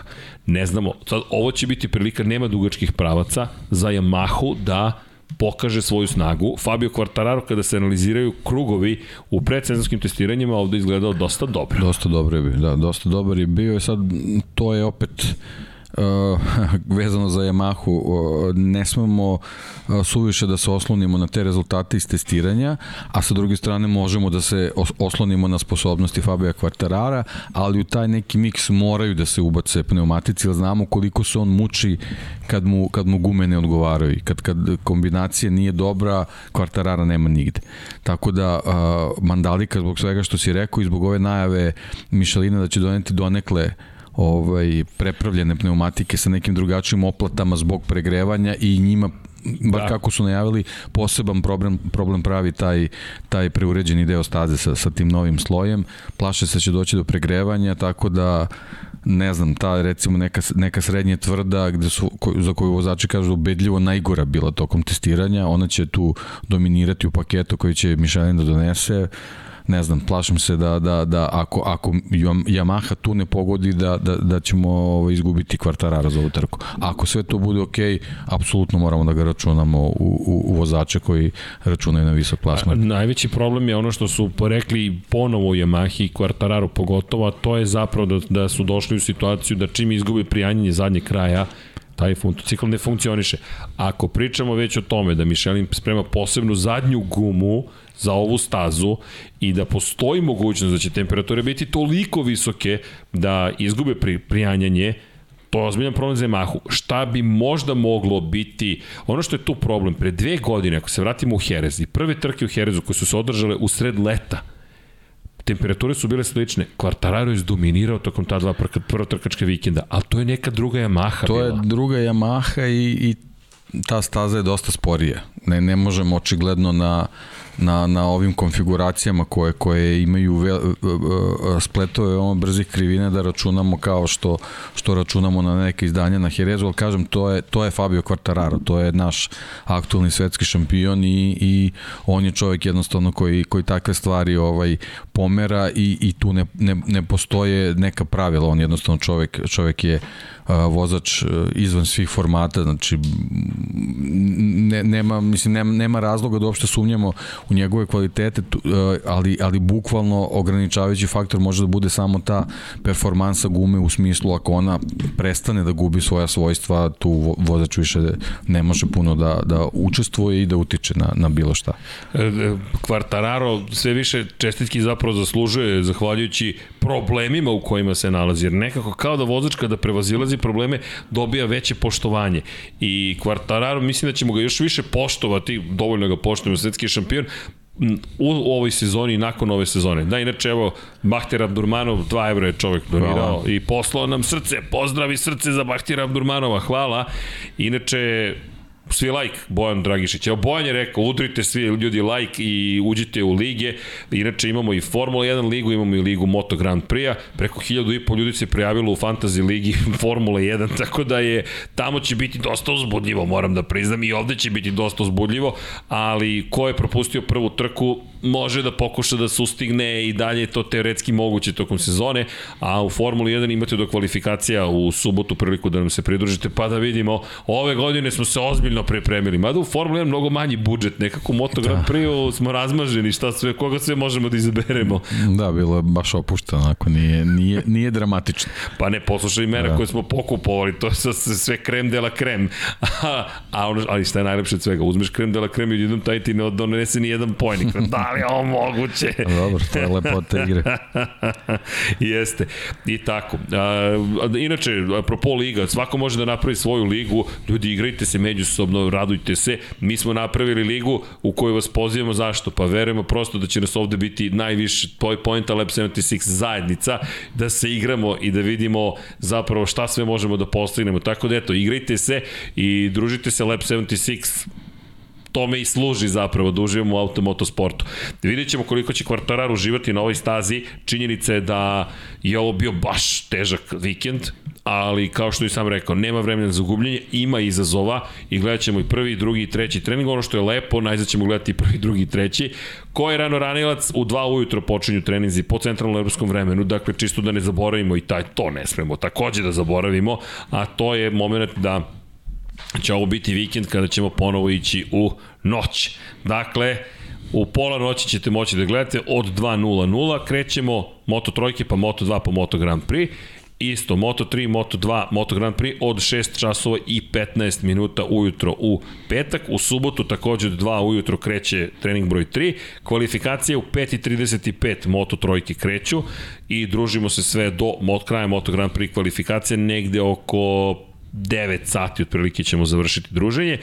Nedelja od 3 časa kreću ujutro zagrevanja, međutim prva trka 5.00 Moto 3, 6.20 Moto dvojke, tu već polako se polako sviće, 8.00, ko želi nedelju da kao naspava se, probudi se u 8 i krene u dan. Ono što je lepo u ovim situacijama, nekako kada završiš prenos, izađeš 9 sati je i ti kažeš, ok, spreman sam za novi dan, a pod adrenalinom sam, tako je to zbudljivo. Međutim, ko baš voli auto, sport, ko baš voli da prati i Formula 1 i Moto Grand Prix, tokom vikenda i prva trka sezone biće tamo uzbudljivo samo po sebi, čim se otvara sezona, pa još nova pravila, svega će biti, ali evo daćemo vam i taj raspored s obzirom na činjenicu da eto pretpostavljamo da biste mogli ostati zajedno sa nama. Inače sve ćete moći da pratite na sport klubu, tako da ćemo se zabavljati a činjenica da će dan biti srećom nema NFL utakmica. E, sre, srećom nema NFL utakmica za one koji ne znaju Tom Brady se vratio iz penzije to smo juče spomenuli ja to spomenemo i ovde.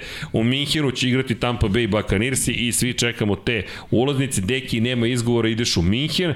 Kada god da bude utakmica ne idemo da se tamo družimo i da Ne, moramo se akreditujemo, da pitamo gospodina Brady-a samo jedno pitanje i to je, uh, gospodin Brady, možete da se nasmete, ovo je za Instagram protiv svih novinarskih pravila.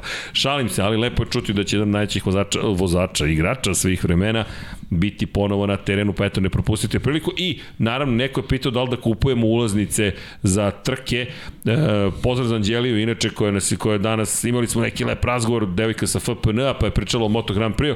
Kupujte ulaznice, još uvijek možete da kupite za Red Bull Ring, na primjer, ulaznice po relativno niskim cenama dok još, i sad pitanje za COVID, nemamo pojma ljudi šta se zbiva, Kina se ponovo zatvara, ali mi držimo palčeve nekako da, će, da ćemo izbeći makar tu priču, do, dovoljno je bilo već ove dve godine, ali eto, ko hoće na stazu, sad je moment, ne, ne morate ni mnogo novca da uložite, za Red Bull Ring pogotovo.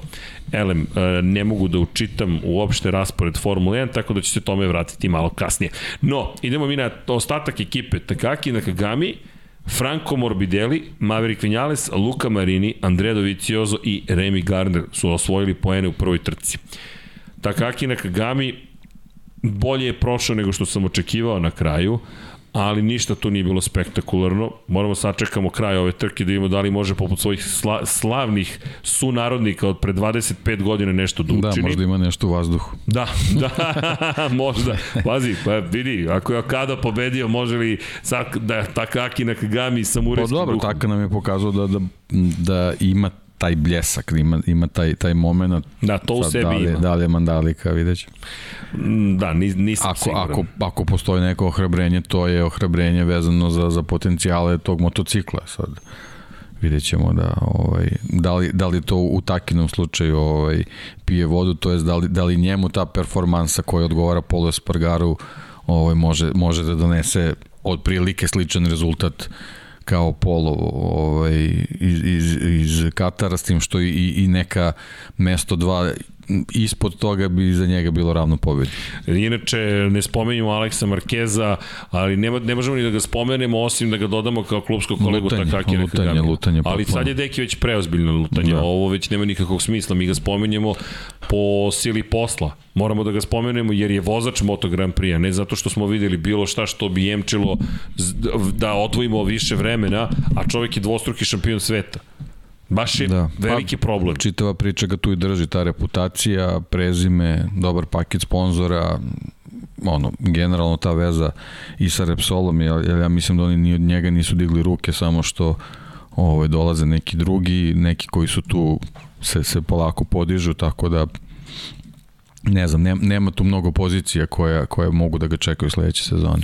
Ne vidim u ovom sportu, mislim da će Superbike biti njegova sledeća stanica ukoliko se ovako nastavi, da, pogotovo što Superbike, Superbike se diže, da. Tako da. je. Mislim, Dobija, vraća se, vraća, vraća se, vraća se. Baš postaje i da.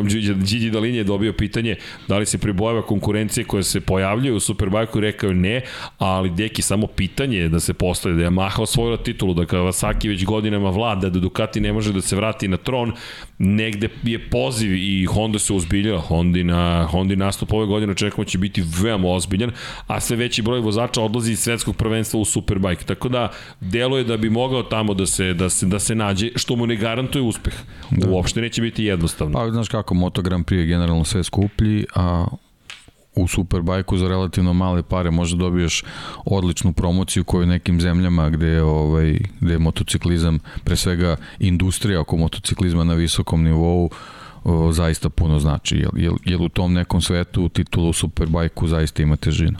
Pa ima veoma ozbiljno, veoma, veoma ozbiljnu težinu s obzirom na činjenicu da mi govorimo o nečemu što je, ali mislim da je Razgatlioglovova titula učinila taj šampionat još važnim. Nekako ga je toliko pod svoje stavio Johnny Rea da Toprak kada je osvojio titulu kao da je rekao ok, ponovo je sada ovde bitka otvorena pa da vidimo ko može uopšte da pobedi. Jer sad imaš dva šampiona koje brane titule u suštini. Iako jedan je jel te, pre dve godine svoju titulu, to su i Rea i Rozgatli Oglu. Da vas vidimo, Kawasaki, Yamaha, pa šta će da se desi. Ne znam, to će biti uzbudljivo da za praćenje, a i tamo odlaze momci, pa evo, Nikolo Bulega je tamo. Rekao je već, bit će teška sezona, ali meni zanimljivo da ispratim šta Bulega može. Iker Lekuona. Iker Lekuona takođe. Pa.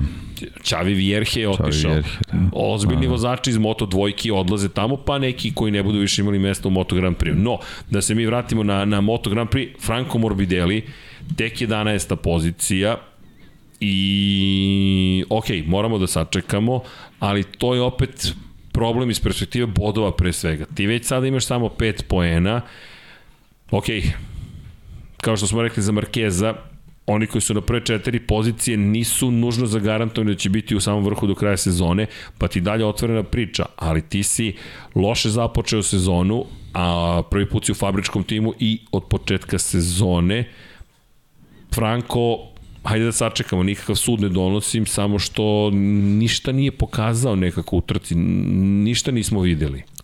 Da, posebno što što imamo vozača koji je u, u, pro, u prošlosti blistao na nekonkurentnim motociklima i nekako je uz njega uvek to vezano da on ima taj neki hendikep s kojim mora da, da se bori i mnogo, mnogo često je pobedio. Ovaj, ali nekako ovog puta, baš kao što si rekao, prilično onako neubedljivo i, i, i ovaj, izdanje koje stvarno od njega nismo ovaj, očekivali posebno zbog pretpostavke da, da je fizički sad već potpuno spreman, mislim, prošla je ta priča operacija, postoperativni tok, vraćanje ovaj, u, u tu fizičku spremu, mislim, stvarno, stvarno je prošlo već dosta vremena, tako da verujem da, da sa te strane više problema nekih nema, ali opet s druge strane, čak i ako taj, taj Yamaha imate te neke probleme sa, sa sa, sa iskazivanjem svog potencijala, ako, ako uopšte postoji, a i ako ne, ako, ako imaju neke, neke probleme s performansama, nekako smo navikli da, da, da je Franko taj koji uvek može da, da iznađe neki, neki model kako, da, kako da, da bude brži sad.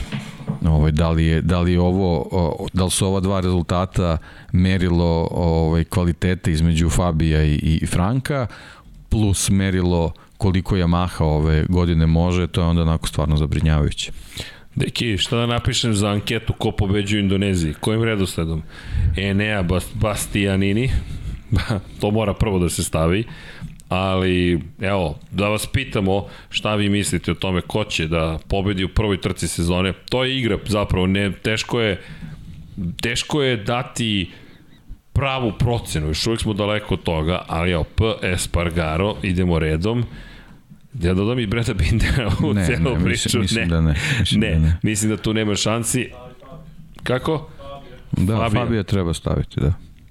Quartararo. Kažem, I- pod uslovom, ako, ako se ta, ta ovaj, priča sa, sa tim a, novim, novim Michelinima, ako, ako ovaj, stvarno bude pogođena kako treba, ako, ako Yamaha pogodi kako treba, mislim da moramo da ga stavimo kao favorit Ja i dalje verujem stazi. da ovde, on, Da. ali slično Suzuki, zavisit će od pozicije na startu.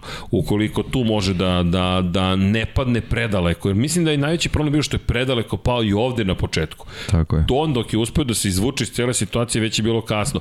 I zapravo ono što si ti upozoravao da će se desiti se dešava kao sa Formulom 1, kada pogledaš gume do ove sezone, vidjet ćemo do ove nove sezone u Formuli 1. Šta se dešava?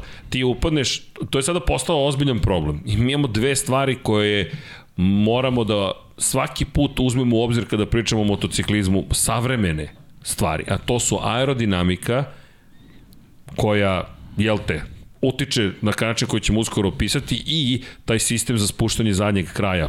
Prednjeg takođe, ali pogotovo zadnjeg. Ajmo od aerodinamike. Nema više čistog vazduha. Dakle, mi nemamo više situacije u kojima vi kada ste u zavetrini nečiju imate čist vazduh. Ne. Vi sada imate Prvo, vi zavisite od toga da imate čist vazduh. To je prvi problem. Dakle, vi imate motocikl koji ima krila. Kada vi uđete u nečiju zavetrinu, a on takođe koristi krila, isto kao sa Formula 1, vrtloženje tog vazduha stvara takozvani prljavi vazduh. I vi imate vrtložen vazduh u zavetrini. Ona vam više ne pruža, da, ona vam pruža manji otpor iz perspektive toga što vi zapravo sada možete da povećate maksimalnu brzinu, ali problem nastaje takođe što je vaša aerodinamika mnogo lošija nego što je bila. Vi sada nemate efekat prednjeg krila koji obara prednji kraj. Ne prenosi se na zadnji točak, prija, ne, prijanjanje ne funkcioniše kao što je ranije funkcionisalo i ne prenosi se snaga na zadnji točak optimalno. Dakle, vi imate taj problem. Drugo, kada krenete da pretičete, vi ste dalje u nekom takozvanom prljavom vazduhu. Vi morate da odete dalje, praktično se izvučete. Bradley Smith je na to upozoravao još 2016. I onda drugi problem, pošto sada vi imate sledeću situaciju, vi koristite obaranje zadnjeg kraja, spusti se zadnji kraj, po prirodi stvari podiže se prednji, aerodinamika lošije funkcioniše, vi imate baš ozbiljan problem zapravo u preticanju koji ranije nije postojao. Pa da, ali ovde zbog, zbog Ovde zbog kratke, faze neće kratke, biti problem. da, ovaj, kratkog puta koji imamo na tom startnom pravcu, koji je u principu jedini pravac na, Jest. na ovoj stazi, mislim da to možda ne bi trebalo da igra toliko ulogu, posebno onim brzim krivinama, mislim da to više nije taj efekt. Čak sam više pričao Da, u, da, da. u opštem, u kontekstu toga opšteg Da. šta zaboravljamo ponekad u mislim, Moto Grand videli smo i u Kataru da, da, da ta pravila jednostavno nisu toliko ni važila, Ducatija nije bilo nigde.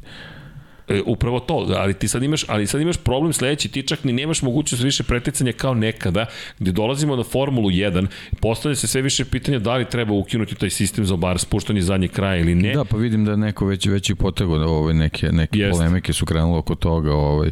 Pa šta znam, mislim, jednostavno to je neka stvar koja je vezana za, za napredak te tehnike i tehnologije, ne znam, mislim, treba mu još dati šansu, posebno zbog toga što je neko uložio ogromna sredstva da ga razvije.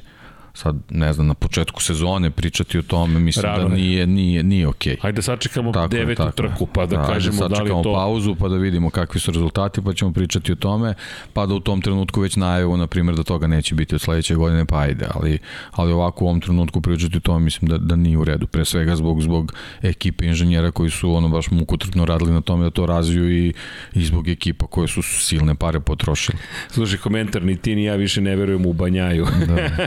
pa, Pa ne da ne verujem, nego jednostavno tu su sad neki momci koje moraš da staviš pre, pre njega, ovaj, pre svega zbog tog izdanja iz Katara, ne, ne zbog toga da li neko ne, veruje ili ne veruje, mislim on je u finišu prošle, prošle sezone pokazao ko, kakav je tu potencijal, ne, ne, ali, nema šta. Ali ako se vratim i na, na početak, da inače izvinjenje za nestanak najave sezone kako smo planirali, ali Deki je rekao, ok Srki, više ne računamo na internet, to ne postoji, sve, svaki sledeći put kada bude moralo da se ide na put, mi ćemo snimiti backup da, emisiju. Da, to najavljamo, da. To da. da znate, dakle, ukoliko slučajno internet bude opet problematičan, imaćete Lab 76, jer to je nešto što mi prvo volimo da radimo, drugo osjećamo i obavezu i dužnost sad i prema vama da to uradimo i obojice smo bili prilično neraspoloženi i četvrtak i petak i subotu, U nedelju, ja kad sam shvatio da nešto može da se uradi, već je bilo kasno za organizaciju, pa sam na kraju sedao sam, ali ja vam se izvinjam i mi kao ekipa ćemo se potruditi da se to više ne ponavlja.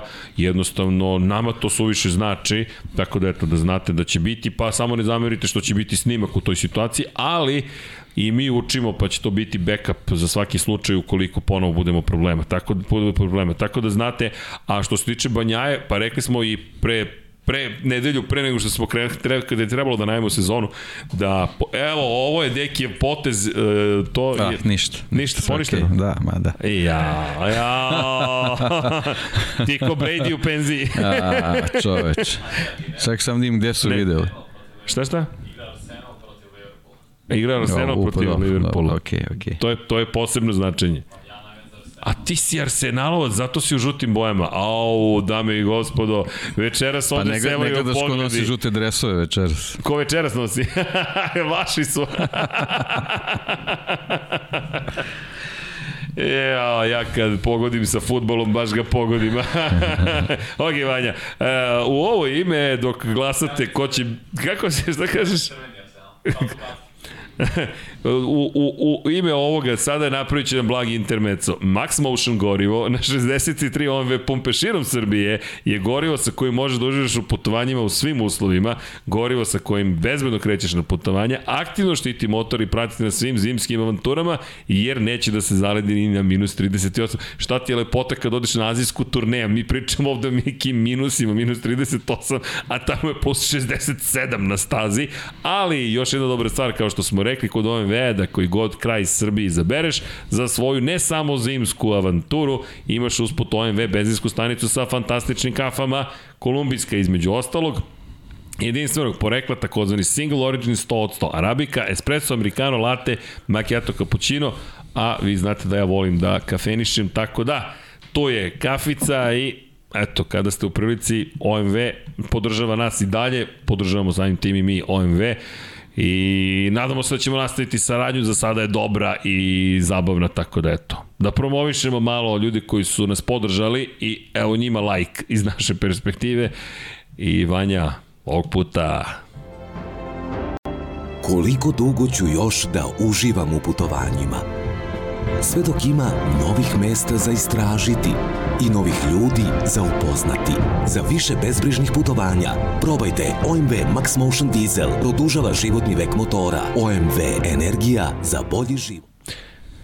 Energija, dobra energija odavde dolazi. Ljudi, znate šta smo još radili, Dekija? Komercijalizacija. Vozili smo igrice za pare. I, ko nije pratio, pogledajte GT sedmicu šta smo radili. I, ali Deki, ja sam prezadovoljan kad sam shvatio, zapravo smo mi uradili recenziju na način na koji ja mislim da je najbolje raditi recenziju. Sedneš, igraš se, vidiš koji su sve problemi, ne problemi i mislim da ćemo se igrati kada je reč o Gran Turismo 7. GT sedmica dobro deluje, lepa je, edukativna. I eto, bacite pogled pa podržite i vi PlayStationovce, oni su podržali nas, a mi smo razdelili sve, neko je pitao kada šaljemo, radimo na tome da pošaljemo, dosta je otišlo i poklona van Srbije, tako da to će malo duže da traje samo dok se, dok se dostavi, ali ekipa je već na tome, tako da znate, završamo naše poslove, što kažu, ali baš je bilo zabavno. Inače, dosta drugara na Sonyu, ko hoće da nam se pridruži, hoćeš da ti bacimo, ja ostavi Sony username, Infinity Light HS, Da, sad ćete da dobijete crawl i za ko hoće nek se pridruži na PlayStation Infinity Lighthouse-u, inače da znate, ako gde se Vanja prevario kada, kada smo instalirali PlayStation 5 u studiju? Svaki put kada igra, to jest radi, a na Playstationu je, mi to vidimo kod sebe kući. Šalim se, Vanja, naravno, dok ozbiljno shvata ove besmislene šale. Sa stari čovjek, moj smisla za humor iz nekog drugog veka, milenijuma čoveče. Tako da, da je to zabavno, ali... Miss Faulty Tower. A, Vanja nije ni smešno. Znaš, kao referenca, šum, preskočila ceo ekran, ali čisto da znate, Infinity Lighthouse, to je ili Vanja ili ja, ponekad gospodin Potkonjak koji me ošišao u GT-u, onako ozbiljno, a u Formuli 1 šta mi je uradio? Jao, jao, jao. Ostali samo dogmići na PlayStationu. Tako da eto, ko hoće, ovo je username studija, Tako da znate, ali ovo PlayStation 5 ID, kao da nije za neko drugi ID, to je generalno PlayStation ID, ali molim vas da se zna, PS Plus je uzet, tako da možemo da se igramo. Samo nam dajte malo da shvatimo sad turniri i lobby i tako dalje. 14 ljudi se vozilo sa nama, ali, ali bilo je mnogo zanimljivo, tako da eto, budite sa nama, pa eto malo da se igramo, potrudit se kada je reč i o MotoGP-u, milestone pišemo da se iskupimo i za onaj incident od pre dve godine kada se se ja razbole, mada ne znam, da to je bukvalno zakonski vis major, u čega ste obolili od COVID-a. Ok. Tako da eto, da znate, vidjet ćemo šta spremaju u MotoGP-u 22, 20-22 zapravo, to je 22, sad samo nastavljak, a kada smo već kod tih nekih brojki, pričali smo o su Luka Marini, 3 poena, nevidljiv, bukvalno, ajde da, da, da, da, da ne, mada je meni se ne dopada sve ono što sam video kada je reč o, o nastupu u prvoj trci, bukvalno mi cijela ekipa izgledala izgubljeno od tima koji je došao veoma raspoložen posle predsezonskih testiranja u nekako tim koji, imam utisak da taj moment sa specifikacijom B motora, specifikacijom A motora u nepotrebnu konfuziju redove Ducatija. Pa da, konfuzija, a što se tiče VR46 ne, ne bih toliko ovaj, kritiko, pre svega kad se pogleda kako je fabrička ekipa rešila, to jest nije, rešila, nije rešila probleme, okay. a posebno ovaj posebno Pramak za koga smo ono očekivali da, da, da mnogo bolje a, rešava te situacije, međutim eto ovaj delo je da, da kad se dešava i, i fabrički ovaj a, a, kad se dese promene u, u, ovaj, u, u, u organizacijalnoj strukturi tima, da tu stvarno može da, da izazove potrese gde ekipa ovaj, malo teže funkcioniše, to je bio slučaj sa Pramakom, što se tiče VR46, mislim oni su generalna ekipa u nastajanju u nekoj novoj situaciji u ovoj sezoni, tako da ovaj, treba im, treba im ovaj, dati priliku da, da, da pokažu posebno eto u toj, toj situaciji gde moraju da hendluju jedan fabrički motocikl. Što se tiče Luke, on ok, tri poena su tri poena, kao što kažeš, mislim pre svega zbog motocikla na kojem sedi, zbog iskustva koje već ima prošle sezone, nije to bilo ovaj, dobro, pre svega zato što nije bio pretrano zapažen, ali bi baš zato sa druge strane zbog nekih rezultata koje je pokazao ovaj, tokom zimske testiranja na, na ovoj stazi, uh, stavio bi ga u, u, u grupu vozača koji će iz te, iz te neke, da kažem, u sredine ka donjem domu ovaj, biti mnogo bolji u, u ovaj u, u, u Indoneziji i eto da da da potkrepim ovaj te neke svoje neka svoje razmišljanja stavio sam ga kao srebrnog vozača u Fantasy. Opa, dobro. E to je zanimljivo. Da. I i to dobro zvuči. Dobro. E, ovo, ovo mi sad baš zanimljivo da pratimo. Pa Luka je jedan super simpatičan čovjek i neko ko, od koga imamo velike očekivanja, možda se ja suviše stroga, ali, ali dobro, i to je deo zabave, biti malo strog. I, iskreno, zahvaljujući tome što je dobio fabrički motocikl i ne samo to, način na koji su se postavili nastup nekako izgledao kao da su 100% sigurni u to da će ostvariti dobar rezultat. To je ono što mi je negde govorilo, ok, treba očekivati od Luki Marinije dosta, to se na kraju zaista nije dogodilo, nije ni bio blizu toga što smo negde očekivali. To je ono što je meni nekako najveći šok bio, pogotovo što gledajući ga na stazi, je delovalo da nema nikakve sumnje u dobar rezultat. I onda odjednom, mm, dramatična situacija. Ali, apropo i ankete, da ne verujemo više Banjaju. Evo ljudi, koga da stavimo na prve tri pozicije i onda da donesemo, pošto postoje samo četiri opcije za Znaš anketu. kako, mislim da, da moramo svi da se pomi- pomirimo sa činjenicom da ćemo ovu sezonu bukvalno imati tako. Znači ne, ne možemo da izdvojimo trojicu vozača koji će na svakoj trci biti na pobjedničkom posolju. Znači u ovom trenutku mi nemamo, nemamo vanzemaljce koji, koji će na taj način da se izdvoje ne zbog svojih kvaliteta, već jednostavno zbog opreme s kojom raspolažu. Tako Lepo da rečeno. bukvalno, bukvalno svaka trka će biti i uvek će naravno neko da da pita zašto ovaj nije tu ili on je tu, ali jednostavno trenutna je situacija takva da postoji vozač na Ducatiju koji u ovom trenutku, eto, zbog svog nekog izdanja na prethodnoj trci ima prednost. I to je to, ništa drugo, ništa više. Da, da li verujemo? Pa u svakog od njih da, verujemo. Ljudi, apsolutno rano da. je za nevericu. Ali ono što jeste moja skepsa otvorena prema Banja, i to sam Da. rekao pre početka sezone, jeste da do sada je uspevao samo kada pritisak de facto ne postoji. Jeste, i, i to, i sa druge strane, a, ponovo, eto, zbog, zbog toga šta se desilo u Kataru, sebe dovodi u situaciju da će ponovo morati u seriji da, da ovaj, pruža dobre rezultate, što je, kao što si rekao, neki nepotreban pritisak koji, koji stavlja sebi na, na, na pleće. Ali bukvalno nepotreban, jer ti si imao situaciju u kojoj samo moraš da završiš trku. Bukvalno. E to ono što nije naučio, rekao bih, od da li hoćete Dovicioza ili Johna Mira, svejedno je, ali to nije naučio. A to moraš da, da, da naučiš, to moraš da prihvatiš i da kažeš, ej, čekaj, ja sam taj koji u ovoj celoj priči ne može sebi da dozvoli nezavršenu trku, pogotovo ne u ovako konkurentnom Moto Grand Prix. I ovo može da mu bude problem na kraju sezone ozbiljan. Tako da, Deki, sve si lepo rekao, nema tu šta da se doda. Jednostavno, nama sad ostaje da vidimo da li će Peko uspeti da, da se nekako iskobelja iz cijele ove situacije. Činjenica da sebi nije olakšao život, ali je, okej.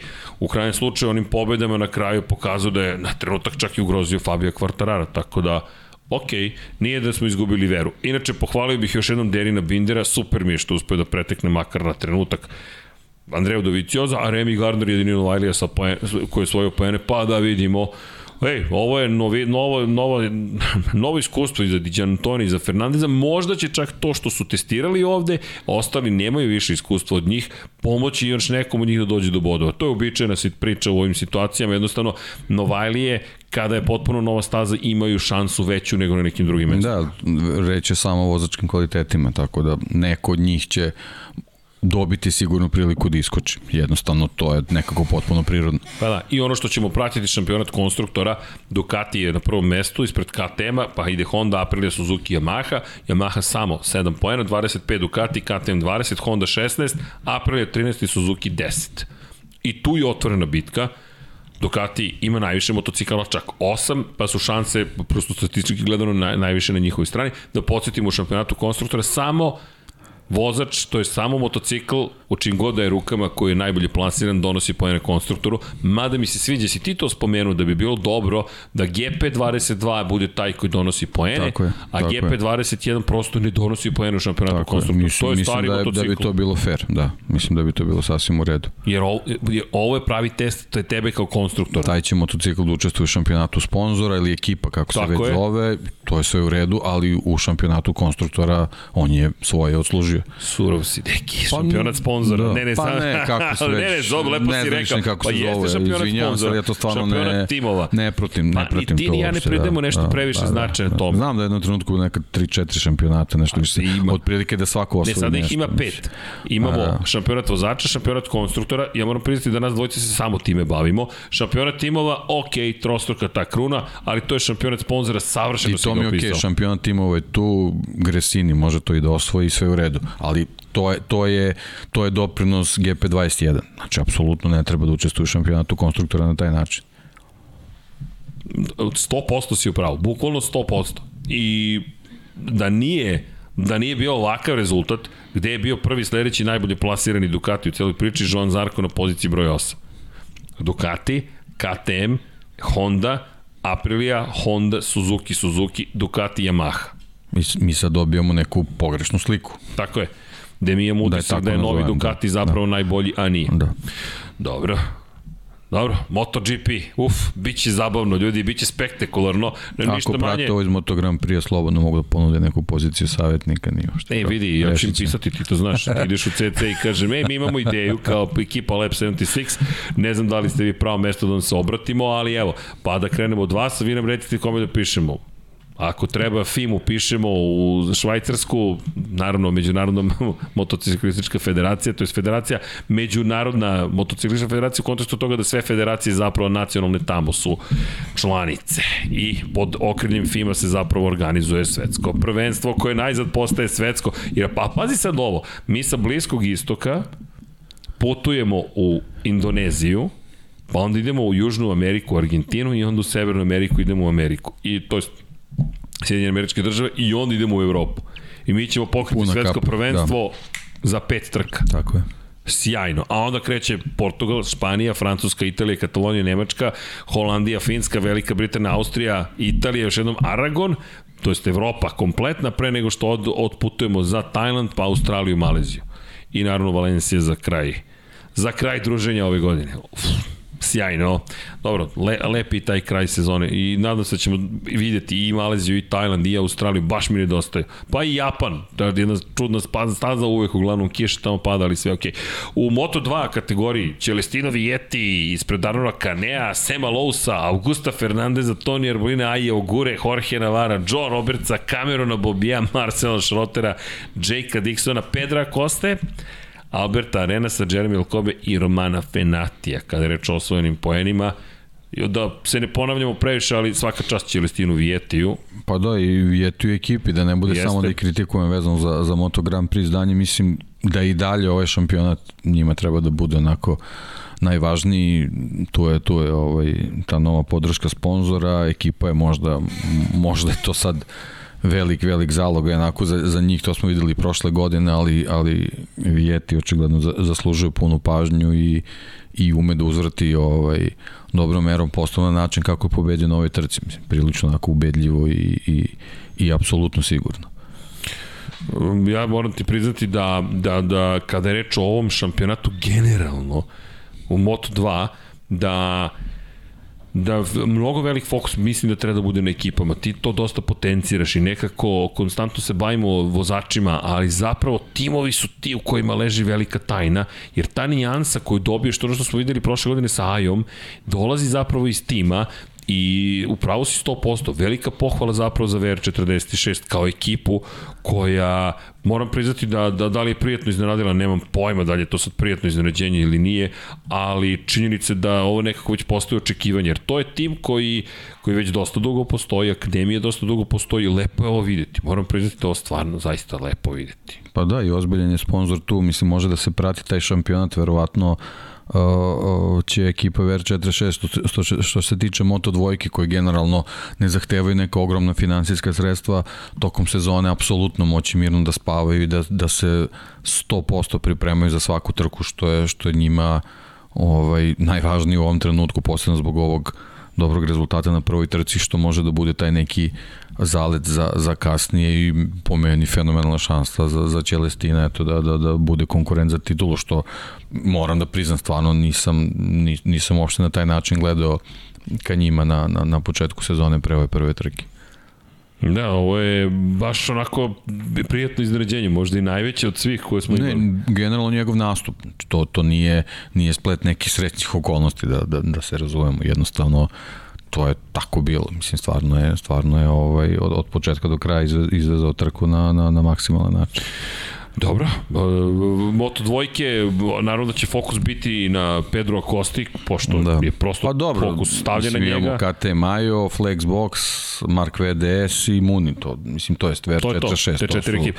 To su te četiri ekipe, možemo da, da, da širimo Dodamo dalje, malo, možemo da dodamo, mislim, pa naravno. A i Auguru bi a i Auguru uvek treba dodati, mislim, to je, to je nešto, Amerikanci, mislim, to, obojicu to, to, to, to. treba, treba ubaciti, ali, ali nisam siguran da možemo njima da pričamo u svakoj trci kao kao nekim konkurenti za titul. Ove, ova, ovih osmorica vozača za ove četiri ekipe, mislim da ravnopravno mogu da konkurišu ovaj, za, za pobedu na, na, na svakoj trci. Da, inače Aspar bi tu trebalo inače da bude, ali ni Jake Dixon ni Albert Arenas nisu baš uverili još uvek da, da će to pa biti nisu uverili, ekipa. ali mislim Arenas kao svetski šampion naravno. Mislim, ne moramo, može da se izostavi. Ne može da se izostavi, s druge strane uh, Jake je takođe pokazao da u, u nekim segmentima le, le. na određenim stazama može stvarno da bude dobar i pazi, ali uh, mislim da je teško u, u dvojkama širiti priču na 10 ne, ne, ne, vozača. Ne, može, ne, to je ne, moguće. desetorica je pa stvarno... Pa i osam je mnogo. Jest, to, to je sad jest, pitanje ko ko će prvi da, Jest. da ispadne iz te Jest, grupe jest. vozača koji Ali mislim da stigli. to od staze do staze pripreme podataka koje već imaš, mislim da, da, da, da se tu ovaj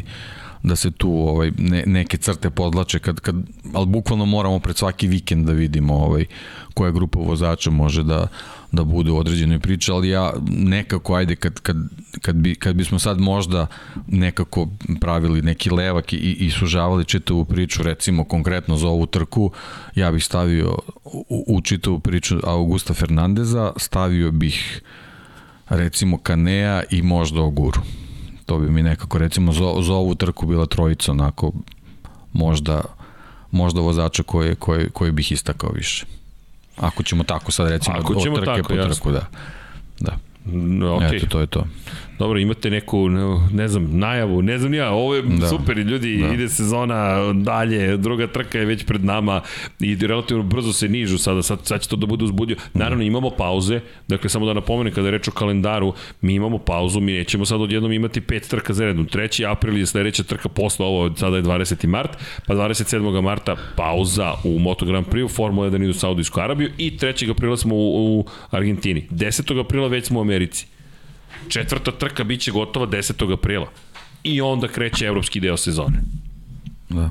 Da, I baš će biti lepo. I u Moto dvojkama, ono što mene zanima jeste test taj. Da li je da li će se ponoviti nečiji rezultat iz Katara, pa ćemo reći, aha, neko je uspeo da nešto uradi ove sezone na višem nivou. Hajde da se Da, tako ali to izrazi. je, ovaj, mislim da isto priča kao i, i, i u, Moto, i u Moto Grand Prix, ovaj, ponavljanje rezultata ne, ne bi trebalo da se odnosi samo na neko ko će da vezuje pobede nego ponavljanje Da, da. rezultata treba da se odnosi na neču konstantnost i, i upravo iz tog razloga mislim da da ovaj Augusto Fernandez zbog nekih svojih vožnji prošle godine u, je, u jednom delu sezone pokazuje da je na taj način može da se da se izdvoji pre svega zbog neke sigurnosti koju mu ekipa sad donosi kao što je KTM naravno. Evo ovde proveravam još jednom, pravo da ti kažem, ista priča svugde, evo, Moto trojke, Andreja Minjo, jel zagarantovana, zagarantovana pobjeda e, prvoplasiranom iz prve trke? Sergio Garcia, Na kraju Sergio je izvukao rezultat koji je gotovo postao neočekivan, ali druga pozicija kada trka nije bila dobra, obećava Kajto Toba treće mesto. To sad opet njegovo katarsko ljubav prema Kataru ili je Kajto Toba neko ko se u, zaista uključio u igru? Meni deluje da, da je više prvo nego drugo. Pa da. Denis da, Ondžu, da. ah, četvrta pozicija, Dobro, Denis Ondžu, ono, to on je sad postao apsolvirali smo, standardni. da, to je, Dakle, to je standardni, ali to i dalje taj njeg- njegov stil koji, koji Ovo je maksimum, deki. to je maksimum, ali mislim može, može on da vozi na Može taj da način, pobedi. ali da, ali nije, nije to To ne donosi titulu. nije to stil koji donosi titul da po meni. I, uh, uvek ćeš Suviše, sebe koštati. suviše ta agresivnost ovaj, u nekim trenucima njega mnogo košta. Ti izgubiš treće, drugo, prvo mesto zahvaljujući jednom nesmotrenom potezu. I Moto3 šampionat zahteva mnogo veću preciznost. Koliko god da je brz Denis, ta 3-4 kruga pre kraja on ne može da izdrži to što je neko izveo agresivan manevar protiv njega. Nego on mora da uzvrati udarac i da sebe uplete u neku nepotrebnu bitku. Ne ostane hladan proračun i ti kaže, e, ok, ovo mene ne interesuje. Da, desio se problem, ali kakve veze ima? Ovo ne može da utiče na moju trku. Fokus je pobeda, a ne sada da mu pokažem da sam ja bolji, brži, agresivniji ili da je to moja pozicija. Ne, ne, fokus. E to ono što je Pedro Costa pokazao Jeste, prošle jeste. godine. Fokus. Pa ukazivaće Pedro Costa to i, I ove to godine. ne, pokazat ću samo Definitivno. malo. Mislim, ni- nisam ga spomenuo sad u ovoj grupi kao, Polako. kao, kao onako neki, u nekoj grupi eksplicitno ovaj, a, favorita za to, ali on je pokazao, pokazao i sad na ovoj trci, mislim, zbog, imao je jako loš start, ali generalno nije to njega toliko izbacilo ovaj, iz ritma, samo što jednostavno moto dvojke ne, ne praštaju baš toliko. Tako da, je. Kad se desi ta neka Nije kao u trojkama. taj neki, neki, neki pad u, u poredku koji generalno eto, nije, ovog puta se nije desilo njegov, njegovom krivicom, jako je teško da, da, da se ti vratiš ovaj, ovaj, u, u, u tu neku vodeću grupu. Nije, nije to ista priča kao u trojkama. Eto, ali baš eto zbog toga to je dobar šlagvort, posebno što smo spomenuli Pedra Kostu, Denis Fođa i dalje bez obzira na, na, na sve te probleme koji su imali ovaj, vezani za kvalifikacije i za, za pomeranja pred start trke i tako dalje, tako dalje. Mislim da su Leopardi ono prilično brzi i da i da će u svakoj u svakoj trci ovaj Biće biti, biti u toj grupi za, za uh, favorita za pobedu. Sad, eto, konkretno, ajde ovakve staze koje imaju te, te kratke pravce, možda, možda tu neće taj neki, neki kvalitet Leoparda da izađe u prvi plan, ali zato su tu vozači, tako da mislim da ovaj, Bezbedan da i on i Suzuki ovaj, stvarno ovaj, predstavljaju dobre m, m, dobre potencijale za, za Leopard. John McPhee. Ponovo je slomio. Ponovo se Da, povredio. da. Ne, žao mi je. To je sve što ja mogu da kažem ovoga puta. Nema ovde krivaca, ne krivaca. Prosto treniraš. Međutim, ono što je problem, dva pršljina je polomio i ta ideja da bi mogao da se bori za titulu šampiona sveta, ja bojim se da... Pa dobro, ta ideja mislim da je već Da pre dve godine da. polako ako nestala i godine su tu, tako da ta trojka više za njega mislim da nije, nije ni mesto gde treba da bude. Pazi, ovo je prvi put u njegovoj karijeri da propušta trku usled povrede prouzrokovanu, prouzrokovanu incidentom na treningu. Što znači otprilike šta još treba da mu se Tako desi. Mislim, Pazi, znači, sve, sve je iskusio, da. I sad ti dođeš u situaciju da, da, da ćeš propustiti trku u Indoneziji, da se očekuje da ćeš se vratiti u Argentini. Ako se ne vratiš u Argentini, da li ti stižeš 7 dana kasnije do Amerike? Ti bi mogao da izgubiš tri trke, na šta podsjeća na prošlu sezonu. Kada je izgubio tri trke poena, prvo zato što ga je neko izbacio sa staze, drugo zato što ga je neko izbacio sa staze, treće zato što je kada ga je drugi put neko izbacio sa staze šutnuo tog vozača i dobio kaznu, pa ne, posle tri trke imao tačno nula poena, to jest niti jedan jedini poen nije imao. I mi smo sad u situaciji da McPhee, koji je, vidi, korektno je počeo, on je čovjek bio na petom mestu na kraju prve trke. Da, da, onako čuvao se, I to- pazio je da ne, da ne uđe u neke rizične situacije, ali to peto mesto, to ti ono, aj, augura sindrom, mislim, to nije dovoljno ni Nije za što. za titulu ne. To je to neki, neki Novajlije možda se primeti da bude ovaj na petoj poziciji, ali ono, i to je pojavom Pedra Kosti, to je sad onako potpuno Da, Petro Kosta već promenio sport. minimalizirano, mislim stvarno ono kad, kad neko se pojavi u nekoj, u nekoj sezoni, to ćemo vidjeti u budućnosti, bude ovaj ovaj vezao tako neke četvrte, pete, šeste pozicije iz trke u trku, mislim, verujem da nećemo biti nešto pretrano fascinirani, što, što naravno nije, nije dobro za sport, ali, ali generalno, eto, kad se pojavi takav superstar, onda malo, malo pomerite ovaj, repere.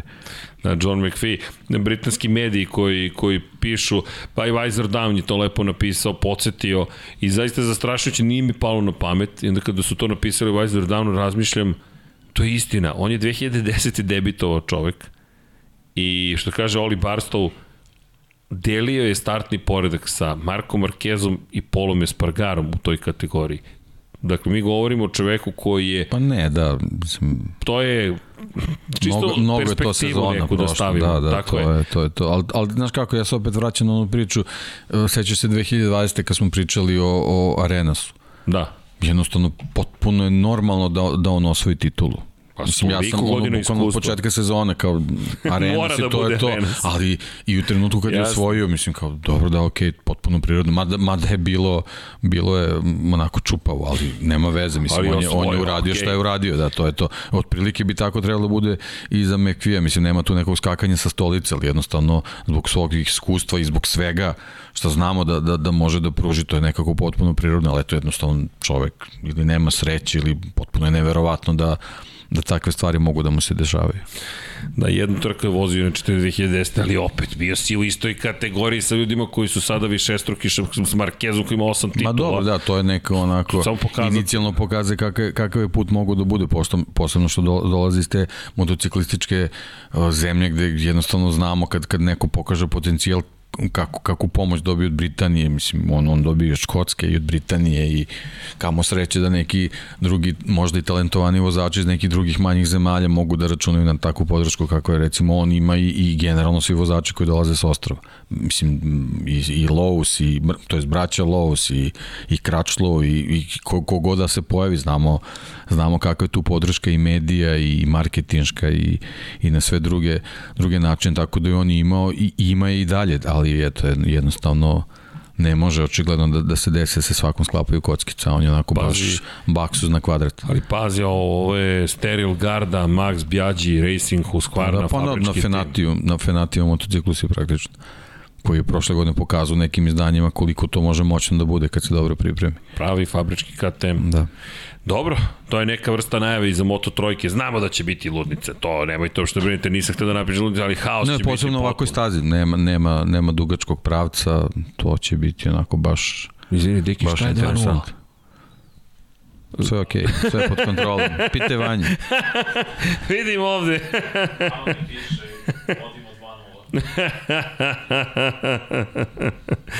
Da, da budemo precizni 0-2. Da, inače, Žuk Đorđe pita šta mislimo o Suzuki i Sasakiju, da li je vreme da budu u vrhu ove sezone. E, nepoznanica je njihova konzistentnost. Tatsuki Suzuki će sigurno biti u vrhu. Kao Ćavi Artigas što je prošle godine u Leopardu zabeležio jednu pobedu. Ja Njega od će Suzuki. Leopard da gura, da, to, to, ne, to. nema šta i on je, mislim, on je takav, takav je, takva je ličnost. Mislim, biće, biće. Mislim, ovo, kažem, prva trka nije, nije to merilo, mislim. Inače, pitanje, pazi kako je Boško Desančić sumirao današnji podcast.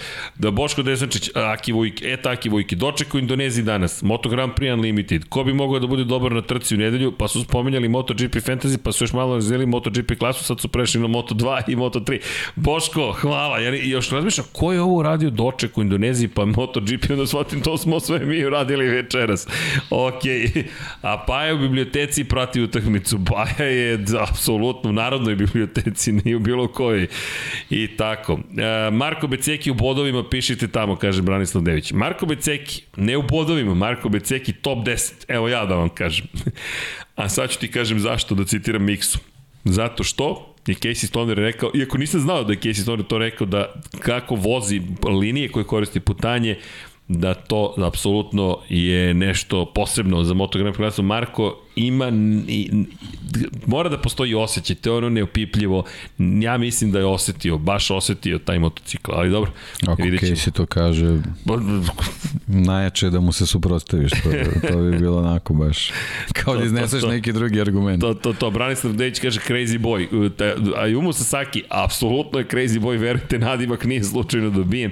Ali znate šta je problem sa Ayumom? Ne znamo. To je kao Kaito Toba. On pobedi u Kataru i onda 17. bude. Ne, dobro, ali pazi, ova Ali- trka je bila do, do, te, do te gluposti sa, sa, sa oplatom, mislim, ja ne, ne znam, ka, ne, ne sećam se sad, ti ćeš sigurno to bolje da, da, da ovaj, izanaliziraš, pošto imaš to sve u glavi, ali ja se ne sećam kad je bila tolika dominacija moto, moto trojkama, ne računam prošlogodišnji Red Bull Ring, Ovakva Akoste, dominacija. Akoste i, i Garcia. Bez Pa- toga. Ali ovako da, da sam voze, u stvari znam, znači bio je bio je Pa imaš i ovaj na, na tom nastup. istom na tom istom motociklu, To- to, tako sam je, teo da kažem. to, to, Eto, to je. Fenati. Znači ima nešto u tom motociklu definitivno. Ekipa? Znaju da da pa Da izvuku ima ima tu jedno ime koje zna to da da napravi verovatno. Sigurno je to, ali ovaj e, treba znati da da to isporučiš. A on je stvarno na ovoj trci isporučuje do, Kapa do, dole, ono je baš dole, peh, da ti izbaci dole. motocikl tako da ti slomiš oplatu. da.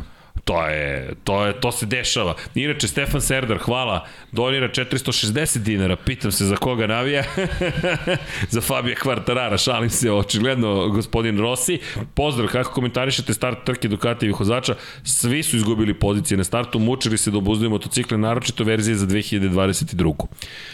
Odlično pitanje. Primetno, primetno, primetno. Da. Pa ja sam, to smo pričali, ja sam u Maleziji na, na testiranjima primetio, jedini koji je uspeo da, da veže nekoliko dobrih startova tokom probe je bio Jorge Martin. Svi drugi su ozbiljne probleme imali da uzdaju taj motocikl. Tako da ima očigledno Ima da ima posla. nečeg u tome. Da, da. Ima Martin, je, posla. Martin je zaista bio raketa i mislim da se vratim na fantasy između ostalog sam ga zbog toga tu stavio zato što sam bio uveren da će, da će startom uspeti da, da, da reši svoju dobru poziciju na trci, međutim ni on nije uspeo na startu da, da, da uzda Ducati. Pa ima tu, pa evo da se nadovežem na jedan od komentara, Aleks Vulović koji kaže mislim da je Banjaja tu u pravu. Čekaj, počela sezona, stano, stani malo s novim delovima, imaš osam vozača. I, i, i ima istinu u tome što je rekao. Jednostavno, Peko je izneo veliku istinu. Ono što mislim da je problem, međutim, eh, u toj izjavi, što da negde ogoljuje i Pekov pristup trkanju i mislim da mu to neće pomoći, a to je taj suočavanje s problemom prerasta odmah u frustraciju, u instant frustraciju. To smo videli u petak, onaj prvi pad, odmah je bila oborena, ramena Samo su se nadam da to spustila. nije neki vinjale sindrom, iskreno se nadam da nije to. Isto, Isto, ali me zabrinjava. To bi bilo porazno da je tako. Da. Ne znam. Da. Ali je takođe u pravu da Ducati je počeo previše stvari da razvija. Ono što si ti rekao, ko KTM. Aha, KTM, ovo je KTM, super, da. daj još nešto novo. Čekaj, stani, jel radi? Ne diraj. Ne, dovedi ga do savršenstva. Pa, Tako pa je. onda gledaj da li trebaš da ideš dalje u odnosu na ostale. Ajmo Ako finese. nemaš potrebe da... Ali da. što bi pomerao? Ti si Pa imao vidi, nešto znaš kako, radi. ovde možda se desi, oni su možda doneli potpuno novi t- whole shot sistem. Možda. Možda i to, to kako da znamo, to jednostavno ne možemo da znamo. Ne možemo da znamo da li je taj sistem mehanički novi ili recimo možda neki možda su doneli neke tri Neki, to verzije je softvera i na kraju su se Tako je. pogubili, više ne znaju koji program funkcioniše, koji ne funkcioniše. Ali ja Kao što mislim- smo recimo videli, videlo se u snimku, u prenosu se videlo koliko dobro uh, funkcioniše sistem za spuštanje zadnjeg dela tokom trke kod Suzuki. Suzuki, to, sam je te kažem. fenomenalno. Ono, a pazi, to je, to je od kompanije koja da. nije mogla da napravi sistem koji radi, do toga ti kada gledaš ono izlazi 16. krivine, samo ako potone dole i nema ritanja, nema izbacivanja iz, iz balansa, Apsolutno nema ništa. Ali, mrdanja evo, desno. Rezultati pokazuju, nije ni Nije to, ni to pomoglo. presudno. Pa. Znači, ponovo je priča, moraš kompletan paket da imaš dobar. I, I vozač na kraju Tako mora gume takođe da sačuva i da Tako kaže, ali, ali to je tačno i Jack Miller je to rekao i Jorge Martin za Suzuki. Sve je to super, fine and dandy, oni su super brzi i sve ta. Da. Šta će biti s potrošnjom guma? Da. Šta E, će biti to s mi, to, potrošnjom mi je goriva? važno, to mi je važno da tako ostane u Moto Grand Prix-u. Da ne dozvole proizvođačima guma, ko god to bude bio u budu- budućnosti Michelin, zauvek ili neko drugi, jednostavno to mora tako da bude. To je ono što nedostaje Formuli 1. Znači moraš da imaš pneumatike koji će u određenoj fazi, nebitno, 3, 4, 5 krugova, da vozač bude taj koji će da balansira s njima. I da izvuče iz njih Tako ono što E, treba da to. izvuče. Kao, kao što imamo u nekim trenucima, ali to jednostavno nije pravilo. Pa kao što je E, Fabio mora prošle da godine znao da izvuče u ključnim momentima na, na, na, na raspalim gumama, starim Tako gumama, Ili da kad, kad ne funkcioniše guma na Yamahi, njega nema nigde. E, E, I to ti To je izjednačava to stvari je u šampionatu. Tako je, Ok, tako snađi je. se. Tako je, ti tako si, je. Ti si šampion sveta. Gume su za sve iste, tu su, imate švedski sto i saberite kombinaciju, To, to, to. izvolite. To da, je to. i eto, Stefane, to odgovor ka- kako komentarišemo. Pa, deluje da su, da, da, da spoj ovih komentara koji, koji zapravo dovodi do toga da da Ducati je preterao u, u razvoju, nepotrebnom gotovo razvoju, ali to je, to, ali i, i vidi se, to je u, Moto, u e, MotoGP Unlimited bilo super, gde Peko svesno priča o tome. Mi već 15. sezonu sada vozimo, to je prošla godišnja, u ovoj 15. sezonu u kojoj mi nemamo titulu šampiona sveta. Oni dalje imaju jednu titulu koja je anomalija, to se zove Casey Stoner, pre svega, a potom Bridgestonove gume u tom trenutku, pa tek onda sve ostalo. Ali pre svega Casey Stoner. Loris Capirosi na tom motociklu je bio poluvidljiv gotovo nevidljiv čovek. Ne, ja, ja prezirem kada ljudi stalno se vraćaju, pa Bridgestone, Bridgestone, Bridgestone. Ma nije samo Bridgestone. Daj, dr- imao je i Loris Capirosi isti taj motocikl. 2008. imao Marko Melandri taj isti motocikl. Nije, ne, Pri tom pričamo o ozbiljnim nesto- imenima. Ozbiljna imena. Nisu to... Tri titule Loris, jednu Sete titulu Melandri. Gibernau je bio na tom motociklu. I isto 2007. godine. Šeste.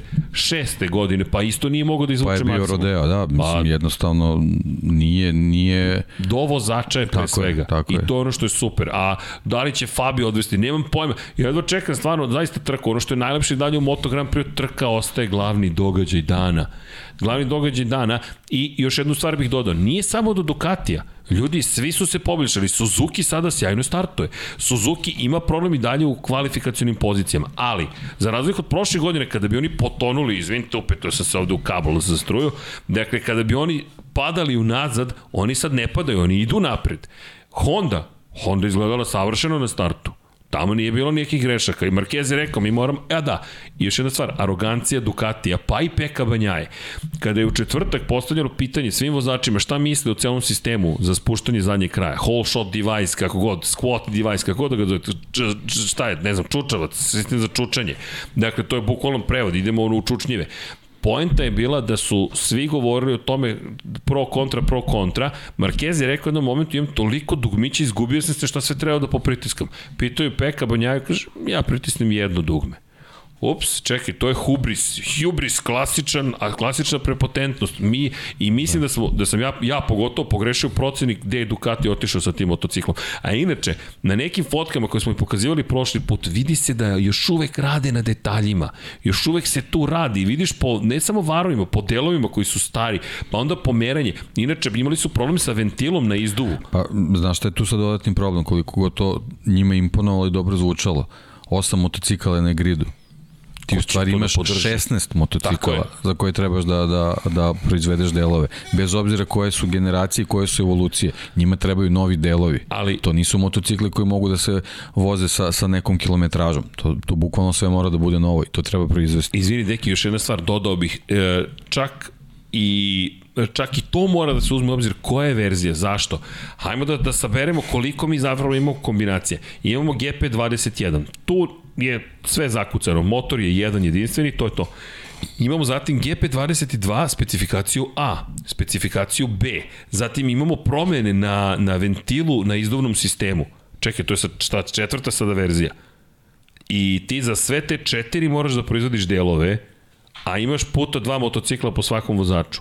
Pri čemu ti sad imaš Gde je pod... potpuno logično da svaki vozač treba da dobije identična dva motocikla. I- Tre, trebalo, trebalo bi. Trebalo bi, trebalo da je bi. tako. Da. I još jedna stvar, ti sada skupljaš podatke kao Ducati ima najviše podataka. Da li ima najviše podataka? Za, u čemu je problem? Verzija GP21 ti daje iz potpuno druge mašine podatke. Jesu oni komparativni sa GP22? Zatim, imaš GP22A i GP22B. Mhm, čekaj, je li sad ovo komparativno? Jel ti možeš da se baviš baš komparativnom analizom? Ili si aproksimativno tu sada u nekom sistemu poređenja? Ne znam. I onda još dodaš to što su pravili izmene na de, određenim delovima motora. Još kad dođemo do petog varijable, a to je da svaki vozač hoće nešto svoje da promeni, kao što je kod Honda slučaj. Honda krene od toga da je svima dala isti motocikl i onda kaže svaki vozač bira šta hoće ili neće. To je ludilo. Znaći se u tome, proizvođački, iz perspektive održavanja, podataka, Pa, programiranja. Eto, zamisli, zamisli, evo, da, da, da imamo jednu imaginarnu situaciju u Ducatiju, da sad neki vozač poželi, kao što je svo vremena Lorenzo poželio da promeni rezervoar. Bukvalno. Koje bi to ludilo dovelo kod njih? To, to treba- je jednostavno džungla od, od podataka i od, od specifikacija, od, od alata, mašina, mislim, to je stvarno koli- kolika god, koliki god da si sistem. Koliki ti, ti da zaista bukvalno svaki motocikl je prototip za sebe i to je to je stvarno u jednom trenutku koliko god da, da si veliki sa kakvom mašinerijom inženjera da ras, raspolažeš, to je, ja mogu zamisliti njihove taskove na zidu, šta tu sad sve stoji, to, to, to nije normalno. Zamisli taj kanban, ako su u kanbanu ili ne znam, skram neki koji koriste, skramban, na šta to liči. Moramo organizati, a Audi ih je organizovao, inače to me zanima živo kako je sve to Pa organizovano. dobro, da, Audi je i on to može da izgura, ali, ali paralelno razvijaš električni motocikl. Mislim, to, to je to su isti ljudi, mislim, nije, ni- nije 5000 ljudi na tom projektu. Tako da, da generalno ta priča ovaj, stvarno to je, to je jedan Ducati Corsa sistem, mislim, i tu, je, tu, tu su ti super bajkovi koji su onako u, u, u nekim elementima stvarno prototipovi za sebe. To je stvarno, stvarno objemna priča i, i, i, i pitanje je kako to sve organizovati da, da se ne pogubiš u tom sistemu. Inače, pitanje je ovde 3-0, deki. Jel 3-0? Pa ne znam, možda mi kasni stream. Kod, kod mene nije. Neko je napisao 3-0. Nemojte ljudi to. Kod mene nije. Nemojte, molim vas, ako je 3-0, ne, ne, ne. E, Žuk ste ništa od sledeće godine do knjige u Rosiju bila korona pa problemi, pa sad Ukrajina, pa tako redom nisu je još ni preveli. preveli smo je Žuk Đorđe, ali smo imali, da, sa, sa, sa knjigama imamo još jednu stvar koju treba da uradimo, to su, ako nam odobrite, stići će vam upit sa YouTube-a ljudi i sa Patreona da stavimo u knjige zapravo vaše imena, s obzirom na činjenicu da ste nas podržali, o tome smo pričali, pa eto, to je, to čekamo. Tako da Sven Lukić koji je fazi knjiga Rossi pozdrav iz Hrvatske, ja se nadam da će uskoro držati makar deo odštampan u rukama, ali da smo pogodili sve krize koje smo mogli, jesmo pogodili smo sve krize koje smo mogli kada je reč o toj knjizi. Ja ne znam stvarno šta smo učinili, nažao, ali od četiri knjige sve su prošle bez problema, to jest bez očekivanih, možemo reći, problema, ali sa Rosim ja mislim da smo proživeli sve I moja reakcija, sa, uvenuću ljudi dok ne dobijem, dok ne budem držao tu knjigu u rukama, s obzirom na činjenicu da je to jedna od, jedan od najzahtevnijih projekata. Volio bih da sam snimao behind the scenes, čisto da vidite šta je sve proživela ta knjiga i šta smo sve morali da čekamo i da radimo. Ali sve ne, stiže uskoro, dakle, ono što smo i rekli da ćemo da uradimo, ali da, ja ne znam šta je sledeće što će se desiti, da li će da ne znam. Korona, ne, ne, neću ni da spomenjem, jer, jer više ne znam šta će šta sledeće nas čeka, ali nemoj, nemoj, evo, po, evo pomerio sam se s mesta, kuckam, lupam i tako dalje, ne, ne, ima knjiga da izađe makar i ručno ovako pravio i onako kako smo običali. Ko Gutenberg, pa da. Pa ko Gutenberg na kraju, neki ti si upoznat iza kulisa. E, pazite, postoje... A, Osećam se kao u Yamahinovoj fabi, kao da sam Yamahin vozač. ja se izvinjam, ali možemo da malo sredimo neke stvari. Ali dobro, tako da bila korona, bilo tako dalje. Kada e, Boško stiže, čekajte, kad budem imao u rukama, onda ću vam reći da stiže 100%. Dakle, držite mi, držite, držite mi palčeve, ovo je sada lična bitka protiv vetrenjača. Ali da, neće biti, sledeće biće vrlo, vrlo, vrlo, vrlo, vrlo, vrlo brzo, tako da znate. Ali kad je budem držao u rukama, kad je budem držao u rukama, jer kako obećavam i tako dalje. Da li možeš neko da se kupe knjige osim online kupovine? Za sada samo kod nas u šopu, ali smo počeli da pregovaramo sa sa knjižarama koje prodaju i ovako knjige kako bismo proširili što više mogućnost da se knjige prodaju. Sad vidjet ćemo, zavisit će od rabata, pošto kad su nam saopštili prve rabate, malo smo Palo smo ovako pali. A Dela, vidim da imate razvijen e, smisao za humor. Preće Derin Binder da pobedi nego što će oni da odštampaju knjigu. Apokalipse. dakle, dobro. Ja se izvinjavam, ali to baš i nije tačno. E, Donesi ono moje, molim te, donesi jednog kimija. Ovde imate crveno i crno. Schumacher i prekide se veza, počne nešto da zuji. Kako sam pokazao knjigu, ok. Dakle, knjiga postoji, crveno i crno, Schumacher, autor je gospodin Dejan Potkonjak, ja ne znam, i bilo je puno potpisanih knjiga. Zatim, donesite, Srki, da probaj da pogledaš Whatsapp, Boris Trutin mi govori. April, ima poklon za našu Apriliju. O, Borise. Stani, krenuo da mi baca knjigu. Čekaj, Vanja. Elem, sveže celofanirana Kimira i Konen knjiga, molim lepo, tako da knjige su tu, kao što su i majice i sve ostalo, nemojte da brinete, evo ga Kimi ovako da stoji, da može tako, da se zna. Da u redu, Vanja, sve sam uradio, tako da knjiga se štampa koliko ta karijera traje. Malo ka sebi. Malo ka sebi. Aha, da se... Ne, pa šalite se na moj račun, sve je u redu, prihvatam šalu, ali nećemo odustati. Nema predaje, šta god da se desi, nećemo odustati. Inače, da, je pitanje da li je privatni vozač nekada osvojio titulu Rossi 2001. godine. Pa, formalno to je bila privatna ekipa, iako de facto jeste bio to zapravo tim koji je koji je snabdevao HRC svim delovima, ali činjenica da nije bio u Repsolu, to je da nije bio deo HRC-a, već je bio deo Nastro Azuro ekipe i da je 2002. godine zapravo postao član HRC-a. Od tog momenta su sve bili fabrički vozači, poslednji je bio Rossi koji je osvojio titulu, pre njega 2000. godine titulu je osvojio Kenny Roberts mlađi na fabričkom Suzuki-u, pre toga je osvojio Alex Crivier za Honda, to je za HRC, Pet godina pre toga je osvajao Mick Duan na HRC-u, pre toga je osvojio Kevin Schwantz na Suzuki-u, tri godine pre toga je osvajao Wayne Rainey na fabričkoj Yamahi, pre toga je osvojio, ko je tada bio, ko je tada bio, opet sam zaboravio, čoveku ime, koji je osvajao titulu i na, iz američke cele grupe vozača i na Honda i na Yamahi. Zašto njemu stalno zaboravljam ime? Mm, uh, Eddie Lawson. Eddie Lawson, Lawson tako da. je, Eddie Lawson. Eddie je osvojio pre toga, pre, pre toga, ko je osvojio pre Eddie-a? Wayne Gardner je osvojio 1987. godine. Koji broj si nosi? 87. 87. ne, ne, 88. je Lawson. Dobro, dobro. 90. 91. 92. su Rainijeve titule.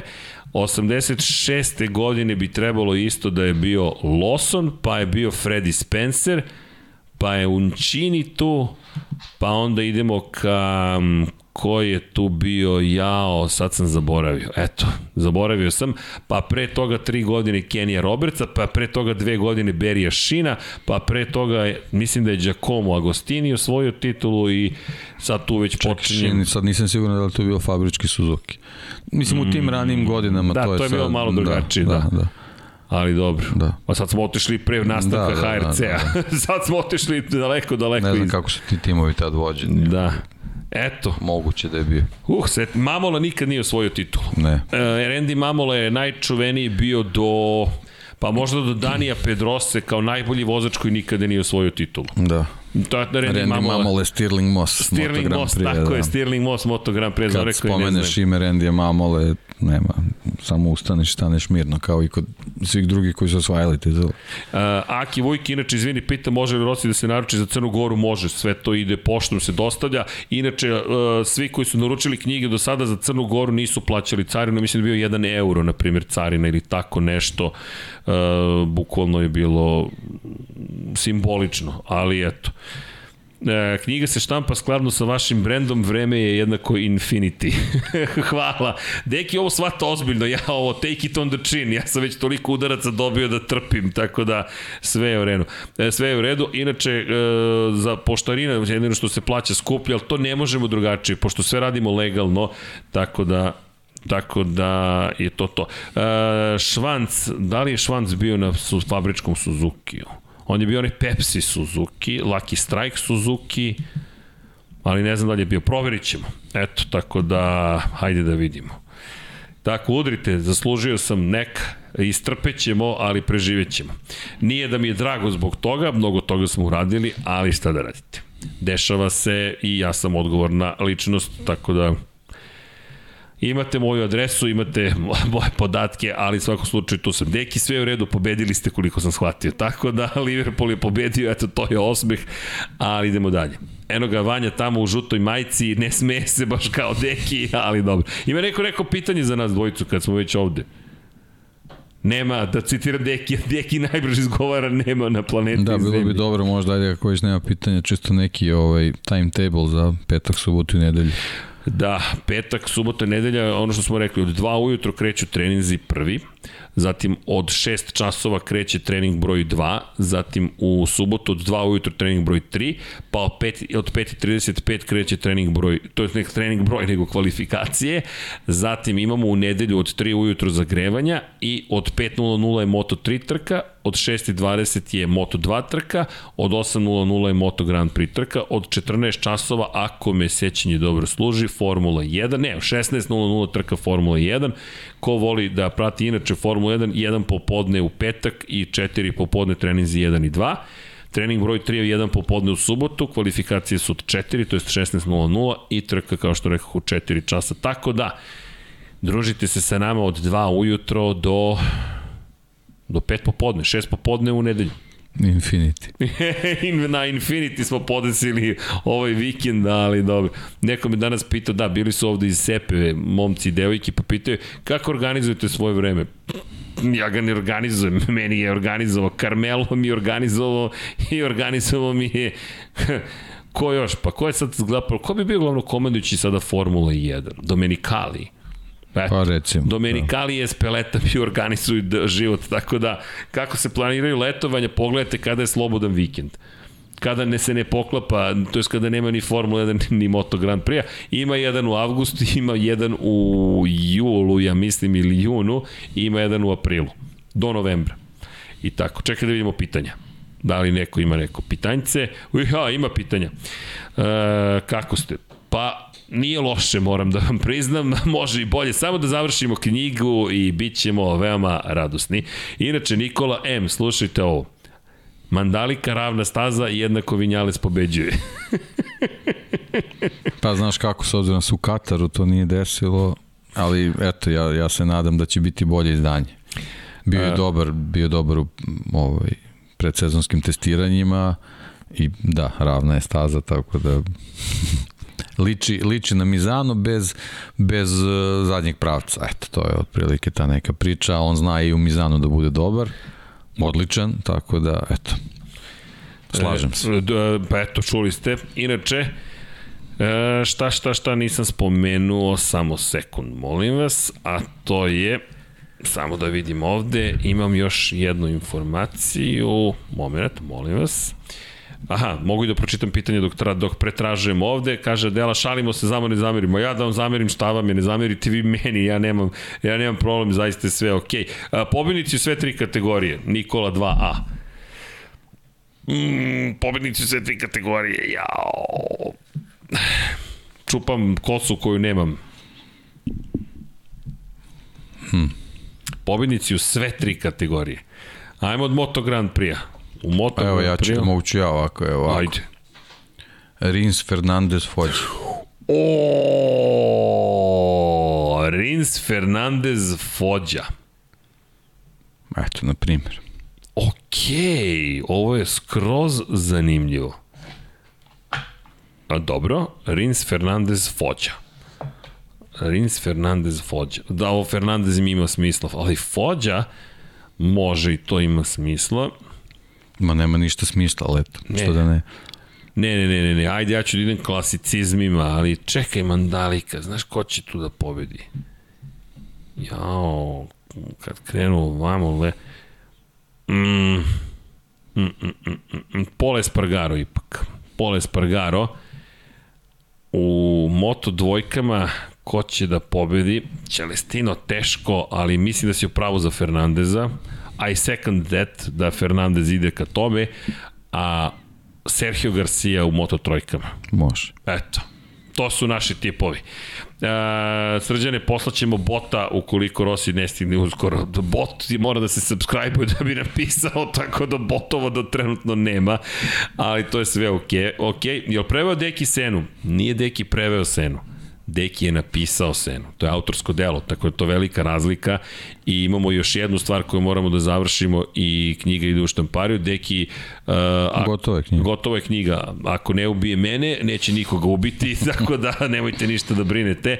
Ali tu smo, tu smo. Ali bukvalno smo tu, Deki je završio svoj deo posla. Korica se završava i Tako to je. je to. Tako imamo, imamo tu umetničke momente neke, ali ne brinite. Pošto smo perfekcionisti, onda na korici smo malo, malo zapeli, ali sredit ćemo mi to, ne da brinete. Treling Italijana u Indoneziji, šta mislite? Pa nije nemoguće, ljudi. Zaista u nije Kataru, nemoguće. što da ne. Tako je. Mislim, toliko ih ima na grijedu da nije to sad neka verovatnoća. Da, inače Muki Alex kaže top topova svakako ne spavam nikako, niko od nas neće spavati. Stevie G kaže pao je Arsenal, si senjor. Čekaj, daj taj osmeh, nemoj da uskraćuješ ljudima to zadovoljstvo. dakle, e, koja je sledeća staza na kojoj uživo prisustvujete?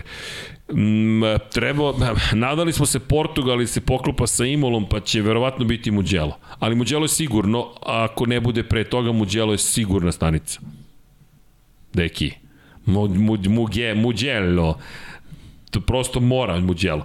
Uh, Nikola, uh, gde možete da nađe na raspored na kom sajtu? Uh, MotoGP.com i F1.com je najpouzdanije što se tiče rasporeda. Imate pod schedule sve, sve piše bukvalno za Moto Grand Prix. Hvala sve za sve što radite za nas. Hvala vama za sve što radite za nas. Međusobno svi radimo, to jest uživamo. Inače, Tošić, zašto nisu dozvoljena privatna testiranja u Moto Grand Prix Formula 1? Zar to ne bi do- doprelo na izvesnoj sezoni i većoj konkurenciji? Pozdrav za ekipu. Pa mislim da bi upravo bilo suprotno. Pa zamislite budžet kad, Mercedesa kada se upotrebi za privatno testiranje. Zamislite budžet Honda kada se upotrebi za privatno testiranje. Aprilia bi bila poslednja zauvek. Na primjer. Suzuki ne bi mogao da isprati to. Ili Haas, na primjer. Ili Haas. u Formuli 1. Bukvalno. Boško Desančić, čekamo do 2046. polako. Pitanje, kada prelazite na džojstike da vas gledamo kako se igrate? Hoćeš jedan GT7? Pa, ne znam, A? ovdje nešto. Ćemo jedan split screen? Može, može. Jedan GT7, pa ne možemo Ajde, split screen. da završimo. Da. Ja, Vanjice, tamo si se ponadao da su ludaci odustali, ali ne vredi. Ne vredi, Vanja, evo, naterali nas ljudi, šta ćeš mi zbog publike. Kakva je prognoza za sezonu za Dovicioza? Teško. Teška, da. Pogledajte Rosija prošle sezone, da. otprilike imate tu sličnu priču. Da. Mislim da bi bila mnogo bolja da je, da je u Apriliju. To smo već rekli. Da, Ali da, dobro. ali dobro. Nije i to je to. Mislim, dobra je stvar što je na fabričkom motociklu i možda će Yamaha moći od njega da dobije neke podatke. Da, inače, vozimo, dakle, GT7, e, flagrantna komercijalizacija, kao što smo rekli, nije samo to, ja sam rekao ljudima iz PlayStationa, ono što smo Deki ja rekli, mi bismo to vozili svakako, kontaktirali vi nas ili ne, mi znamo, mi smo to već bili kupili u pretprodaji i strpljivo čekali tri i po meseca da nam stigne kako se vadim bez, be, bezočno, ali inače Milan Bačić, Rins pada pre cilja, deki, da, da nademo se da ne pada, dajte da, da stigne. Ako stigne, eto.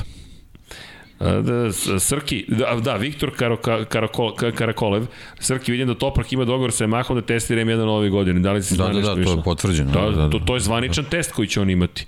I oni gledaju šta može Toprak, ali Toprak i njegov agent, to je gospodin broj 1. To su potvrdili još pre ovog okruga zimske testiranja poslednje, da. Ali ono što je bitno bilo u komunikaciji, rečeno iz Toprakovog tima da im ne pada na pamet da voze za bilo koji tim koji nije fabrički I ja ih podržavam 100% iz te perspektive. Zašto? Bez obzira što dobijete fabričke motocikle, Toprak nije u cvetu mladosti, pa sada stiže kao 20-godišnji klinac, pa može da jednu, dve sezone provede u satelitskom timu ili privatnom. Ne, ne.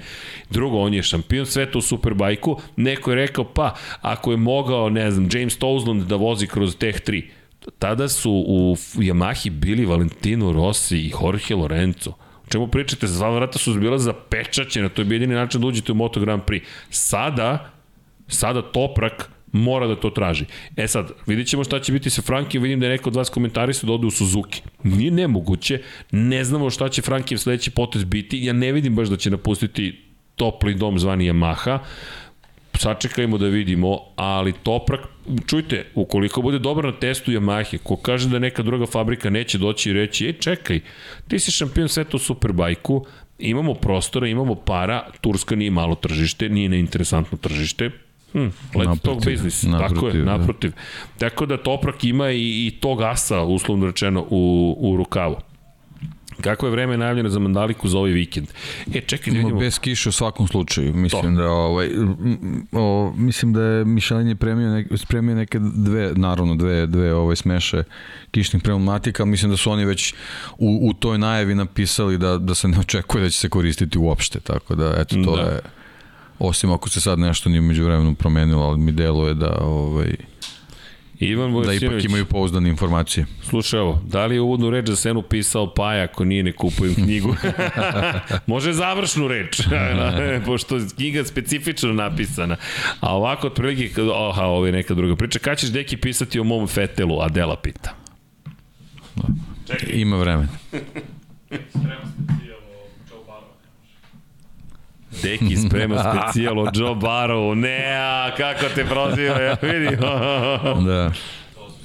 Da, da, da. To je dogovor. Vanja, šta ti pišeš? Ja, šta želiš? Šta ti želiš? O životu da pišeš. O životu? Šta, misliš neka životna priča? Filozofija. Filozofija života? Okej. Okay. To već je napisano. Imaš napisano? Pa, bijem 4-5 stranice, kada sam pišeš. Ima 4-5, opa! opa! Ko ti urednik? Niko. Ta se kad je dolazi u Ro, kad je dolazi u Beograd, ovaj tad me pogledate. Ovaj. Moraš da imaš urednik. pa Niko Rosberg, ja Dobro, a da li bi napisao ti nešto o tvom omiljenom quarterbacku? O Riversu. Razumeli smo se, naravno. Čekaj, neki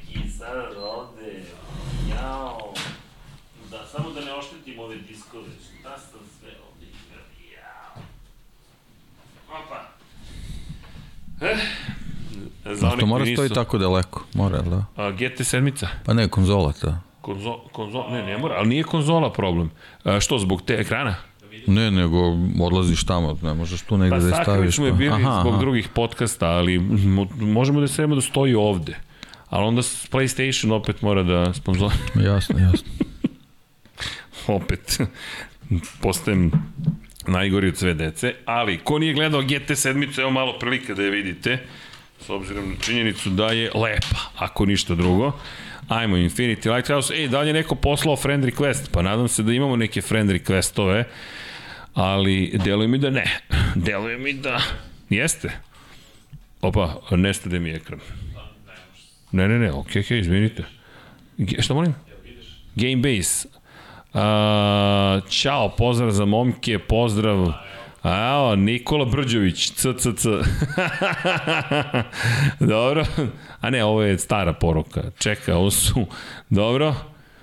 View all friends, nemam pojma dalje sti. A ne, odišao sam na pogrešno, nisam otišao na notifications.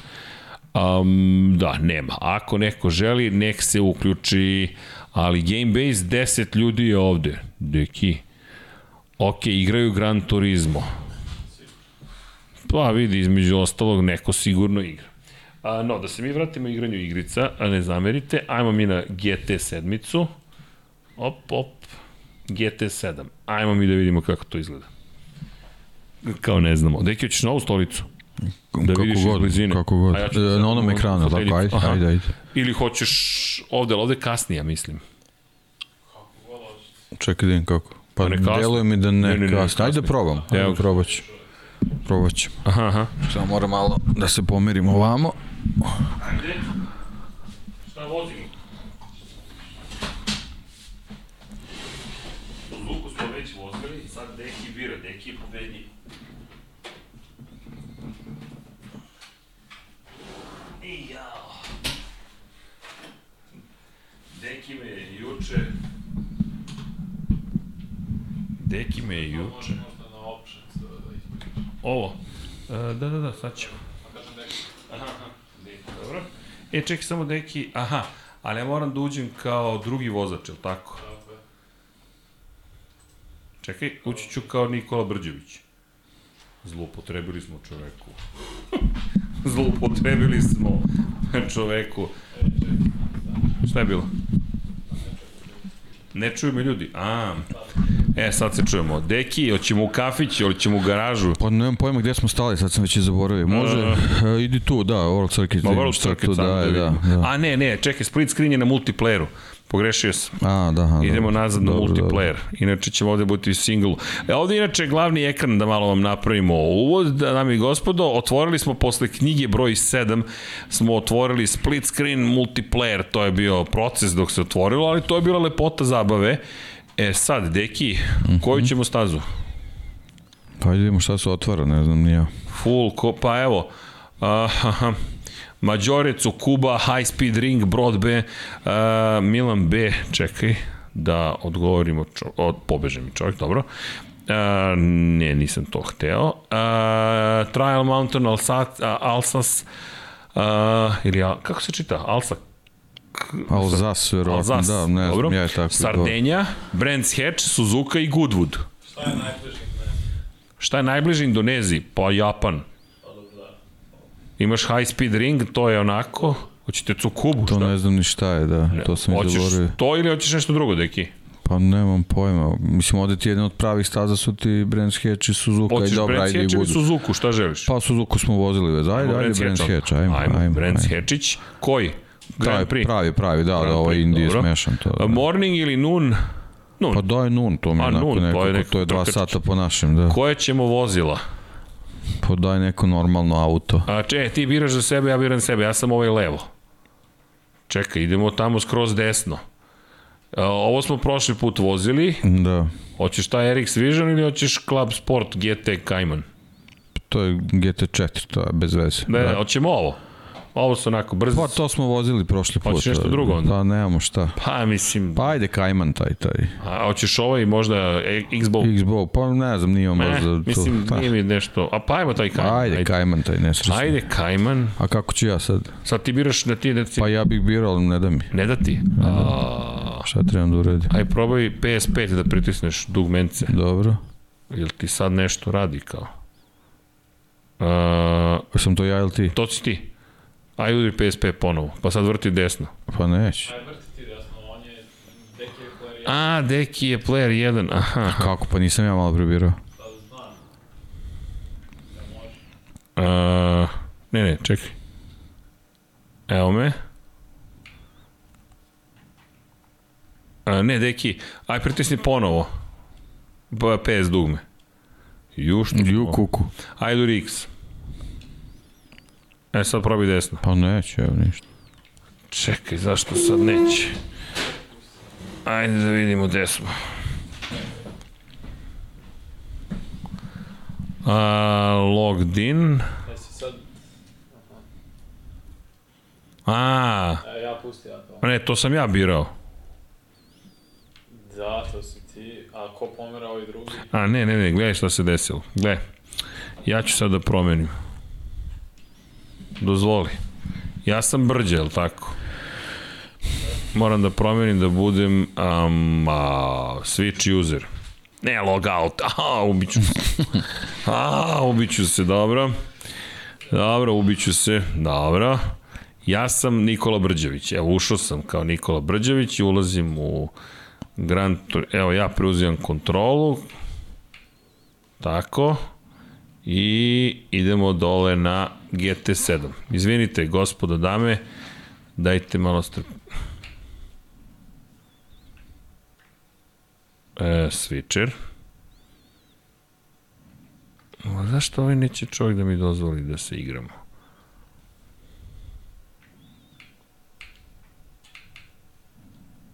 Dobro. Evo me ovde.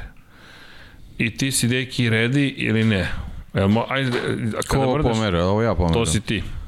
Pa dobro, evo, ja sam izabrao, ja sam ready. Ali zašto meni neće Zašto da ti dozvoli? nisi? Ne, ne, čekaj. Prošli put smo ga namislili bez problema. Bez problema Gde bilo, smo se da. mi izgubili sad u celoj priči. Accessories, controller, dobro. Ali ti nisi na, ti si Nikola na... Brđević, switch user. Jel tu postoji konzola ili... Ajde da probamo ovako. Ne, pokušavam, Vanja, ne znam, neće da mi dozvoli.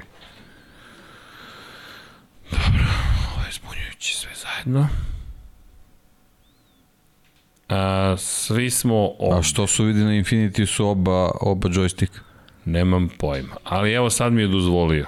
Eto, evo. Ali mogu ja tebi da dam onda ovaj kontroler i onda ćeš ti moći da upravljaš kontrolerom, a ja ću da moći da upravljam volanom. Jel to u redu? Pa da li, da li je to istina? A, jeste, jeste. A, ovo je sada vozač broj 2. Čekaj sekund. Evo, Vanja, možeš da dodaš dekiju, stariji čovek, nema, nema smisla. Ja sam stariji čovek. Nije to nego da ne skidam sluške. E, E, hvala Vanjice. e, sad jedno pitanje. Dobro, uspeli smo se snađemo na izgled. A, koliko krugova? Pa kako smo beše pet vozili? Pet smo vozili. Dosta je, da ne smaramo ljude. Pa da. A, start iz mesta, je li tako? Da, da, to, to volimo. E, da. Ajmo grid start. Ovo postaje neki običaj. Start race. Koji sam ja? Ti si, ja mislim, desni. Saznaćemo, aj probaj. Ja sam levi. Si ti desno?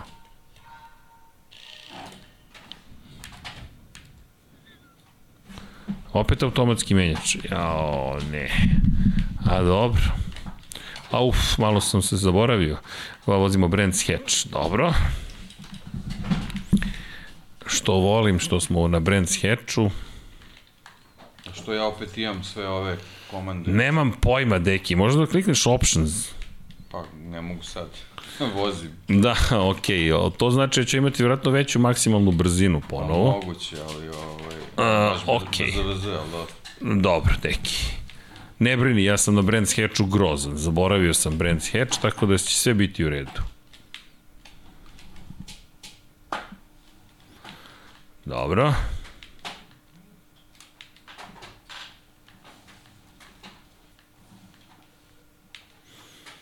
Pri čemu nemam zvuk, to je tek ludilo. Jačam tebe. Da, to bi bilo idealno, Vanja, ukoliko možeš. A, ne, srđane. Zašto si toliko blesav? Dobro. To, Vanja, malo zvuka. A, čekaj. Možda ne možeš. Misliš, samo deki može da ima zvuk. Ne, ne,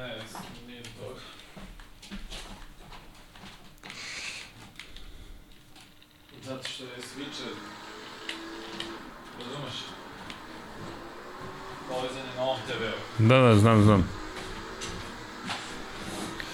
Ček, sad moram da se bacim u Jurnjevu. Moj... A ne, srđane, opet praviš početničke greške.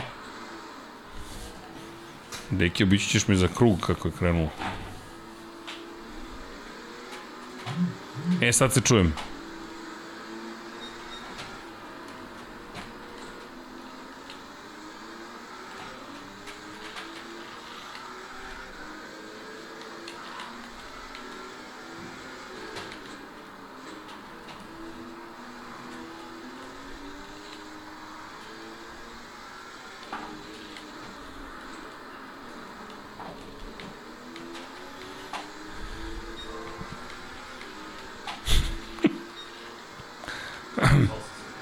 Kako? Ništa to nije nenadoknadivo. Samo da se uozbiljim.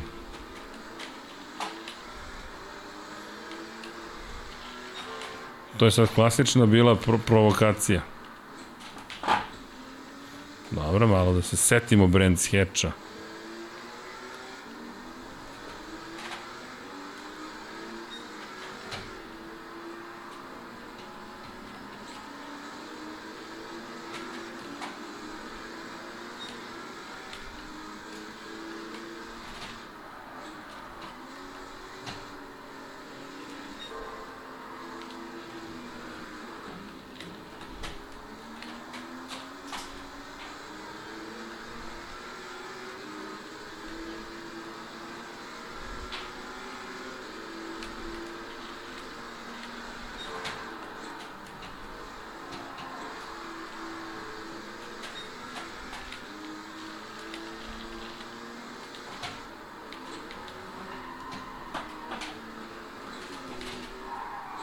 Ah. Deki, je to sad Sena na potezu protiv Prosta? Jeli? Ja, namirisao sam te, znam šta hoćeš. Moram da požurim, ne sam to da dozvolim. Ne! Pri čemu mi je promenio na Rickert pa na uh, prvu brzinu. Ajde, Srki, pobegni Dekiju. A meni sve lepo nacrtano, ali ipak pokušavam Kako, da, da vozim. Pa sve mi su mi nacrtali šta trebam da radim. Aha. I ja opet ne, kao, nije to to. Nije to to, znam ja bolje od vas. sam ja, to, to, da, da. Ali dobro. A dobro, to je i, i izazov da uradiš sam neke stvari. Nema veze. Sad ćemo to da sredimo sve.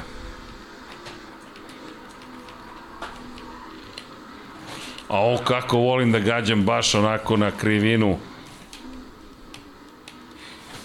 Baš volim. Čitaj, čitaj komentare, Vanja. Čujem te kako se smeješ. Ajmo, bekstvo iz Šošenka.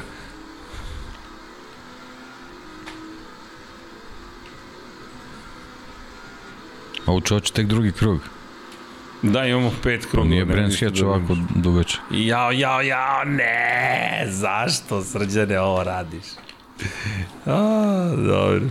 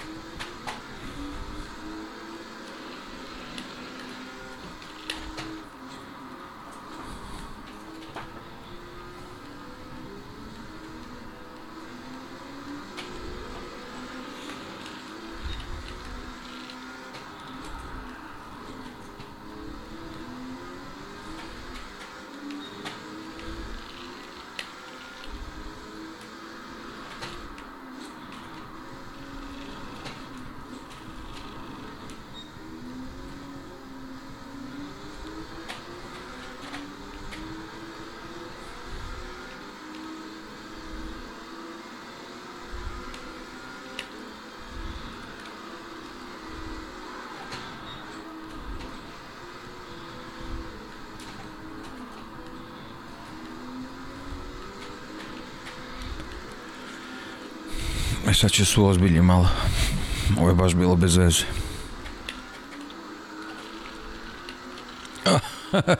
Jao.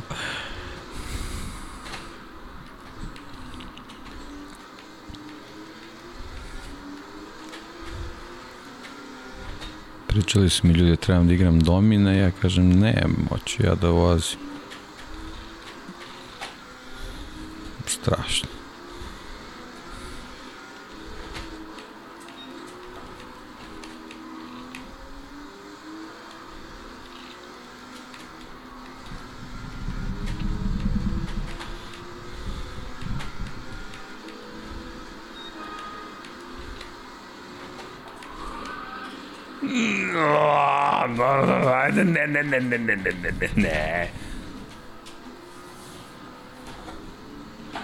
Os Pausans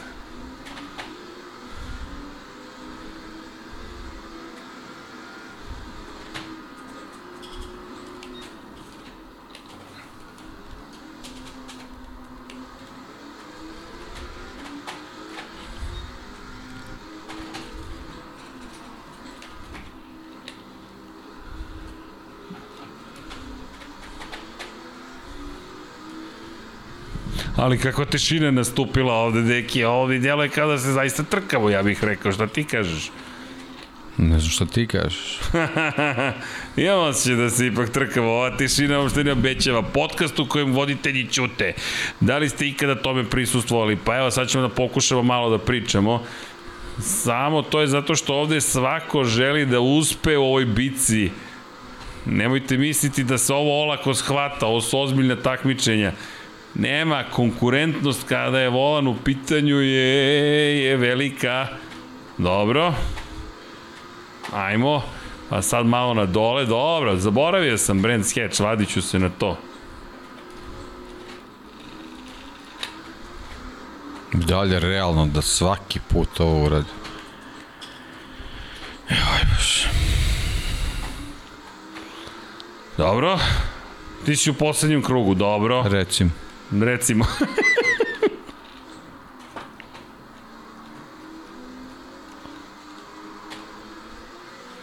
Ajde da vidimo šta može ova GT četvorka. Ajmo.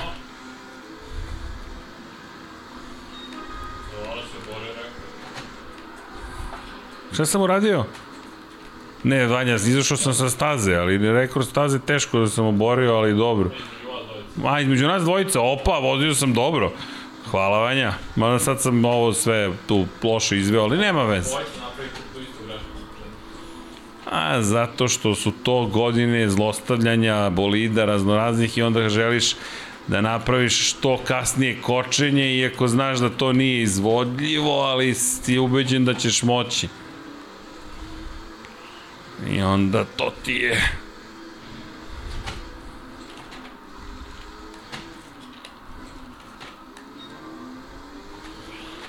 Dosta su stabilne ove GT četvorke, moram priznati.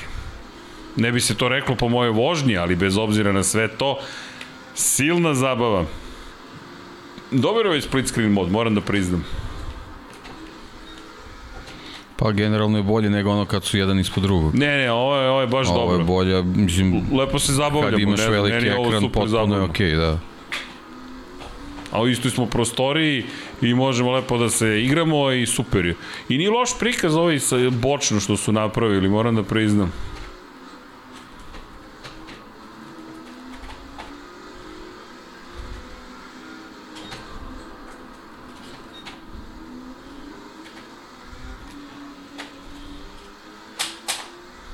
Sve to sasvim u redu.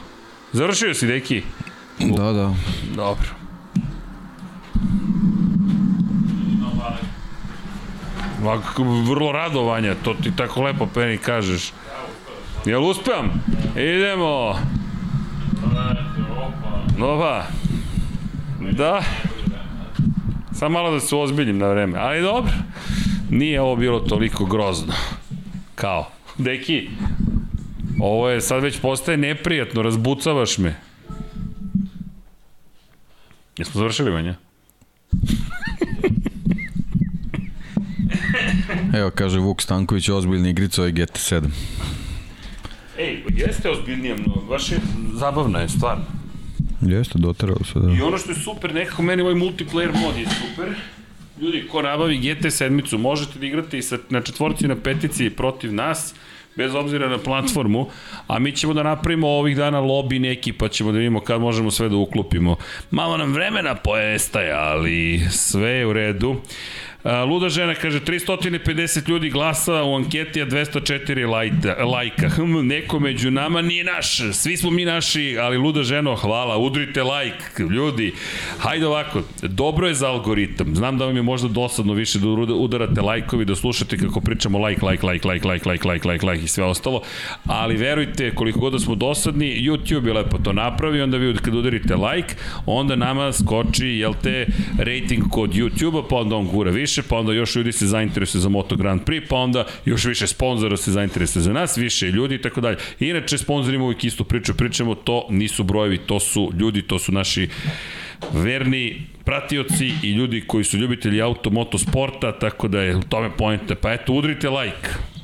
Ne morate da Udrite udarite. subscribe. Kliknite like, kliknite subscribe, kliknite share, udarite klip i podelite najzabavniji deo večerašnje emisije u trajanju od 10 do 60 sekundi na svojim društvenim mrežama, a da završimo glasanje, 367 glasova i kaže sledeće Bastianini, D- 23%, Pole Spargaro 10, Kvartararo 20, 47, neko četvrti.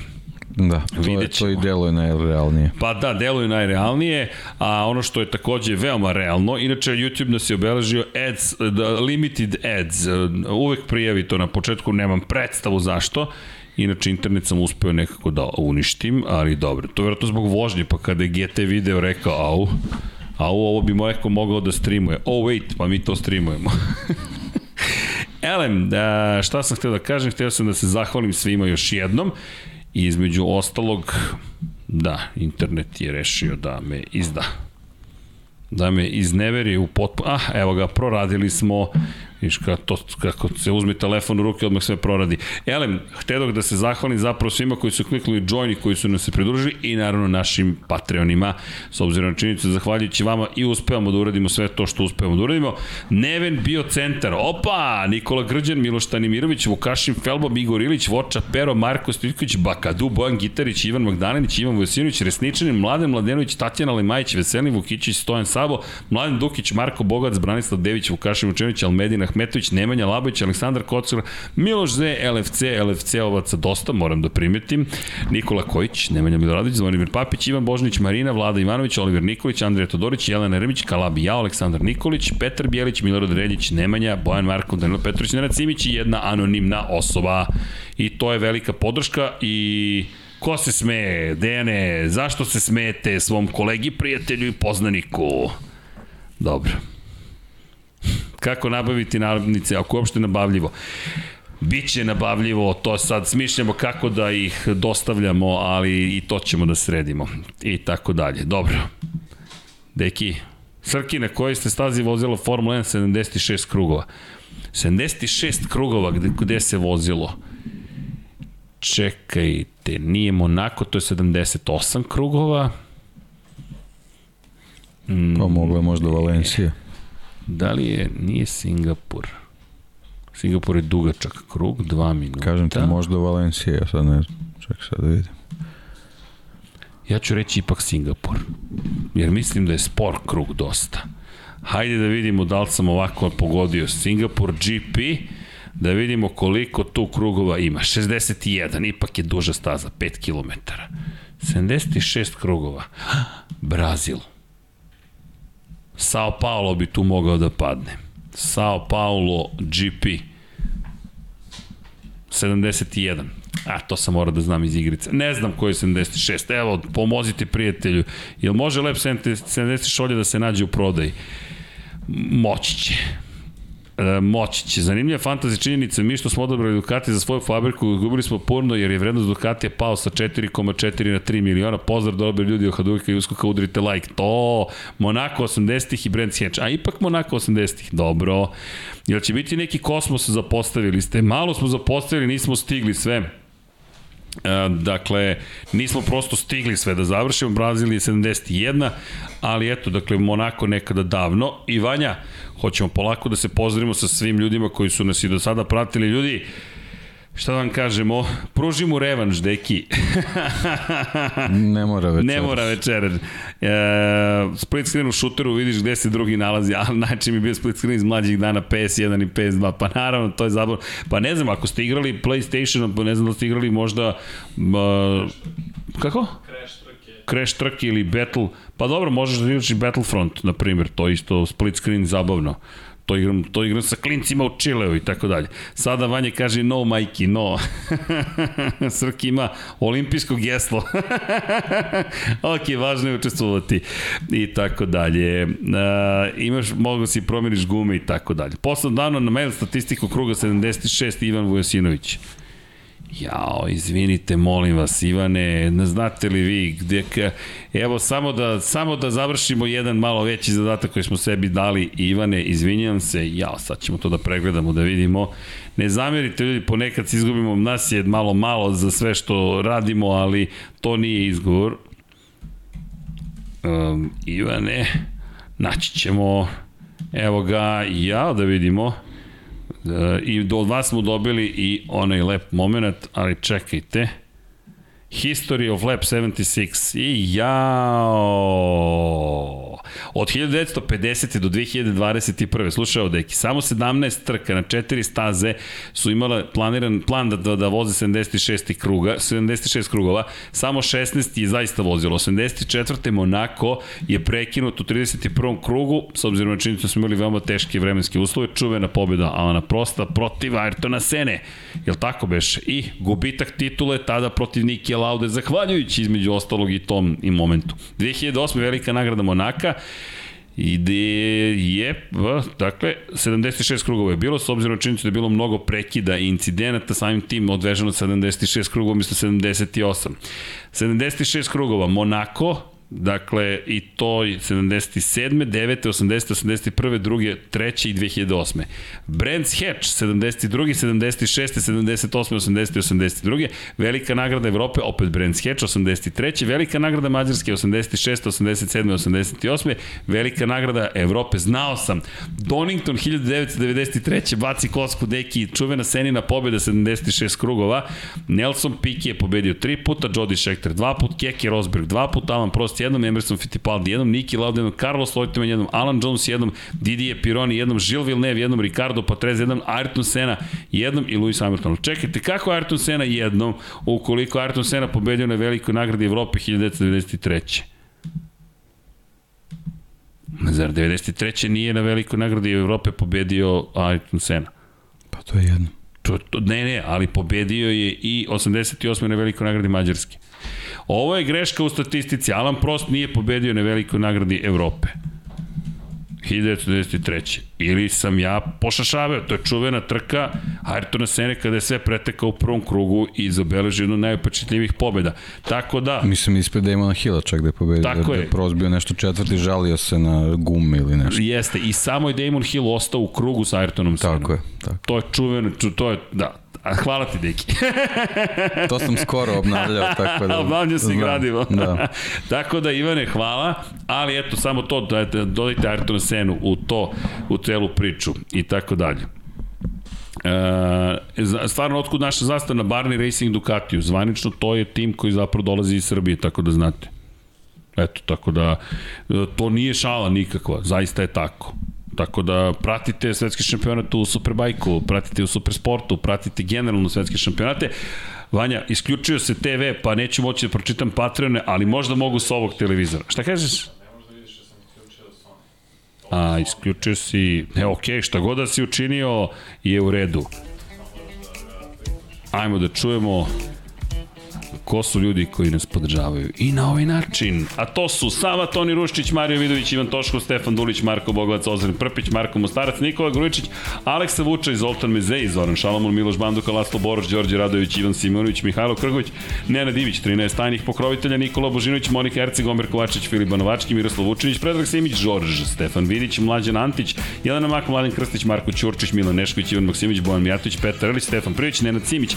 Ovo je inače najbolja priprema za vikend kada će se komentarisati XY sati. Luka Savić, Andrej Božo, Boris Gvozden, Boris Golubar, Zoran Navidić, Luka Manitašević, Ljubo Đurović, Borko Božunović, Đorđe Andrić, Aleksandar Gošić, Mirina Živković, Nemanja Miloradović, Miloš Vuletić, Vukašin Vučenović, Ognjen Marinković, Miroslav Svetić, Marina Mihajlović, Veselin Vukićević, Jelena Jeremić, Antonio Novak, Stefan Milošević, Nikola Stojanović, Jasenko Samarđić, Mihovil Stamičar, Stefan Nedeljković, Zoran Majdov, Josip Kovačić, Lazar Pević, Benjamin Aj, Nemanja Jeremić, da, žena ne sazna, Boris Kujundžić, Tijana Vidanović, Stefan Ličin, Aleksandar Antonović, Dejan Vujović, Nemanja Zagorac, Đole Bronkos, Aleksa Jelić, Aca Vizla, Igor Vučković, Milan Ristić, Branko Bisački, Nenad Đorđević, Vukašin Jekić, Aleksandar M, Žarko Milić, Bojan Đoki, Dejan Đokić, Bojan Marko, Ertan Prelić, Igor Gašparić, Alen Stojičić, Depressed, Cody Garban Fan, Strahinja Blagović, Aleksandar Jurić, Vladimir Filipović, Branislav Marković, Vanja Radulović, Đorđe Đukić, Miloš Todorov, Žarko Milić, Emir Mesić, Stefan Stanković, Dušan Ristić, Vladimir Petković, Pavle Njemec, Jovan Đodan, Boris Herceg, Katarina, Ivan Ciger, zatim Andrej Bicok, Mladen Mladenović, Dimitrije Mišić, Bahtira Abdurmanov, Andrej Branković, Nebojša Živanović, Jugoslav Krasnić, Nenad Pantarić, Vlada Ivanović, Stefan Janković i Aleksandar Banovac. Ima još, nismo stigli sve da upišemo. Ljudi,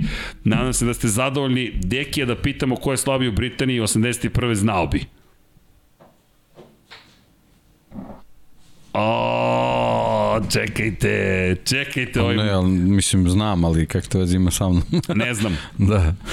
ne znam. Da, možda sam ja izgleda pogrešno shvaćen za koga ja navijem. Ali dobro, deki, mislim da... John Watson je pobedio. Da, inače... Kako?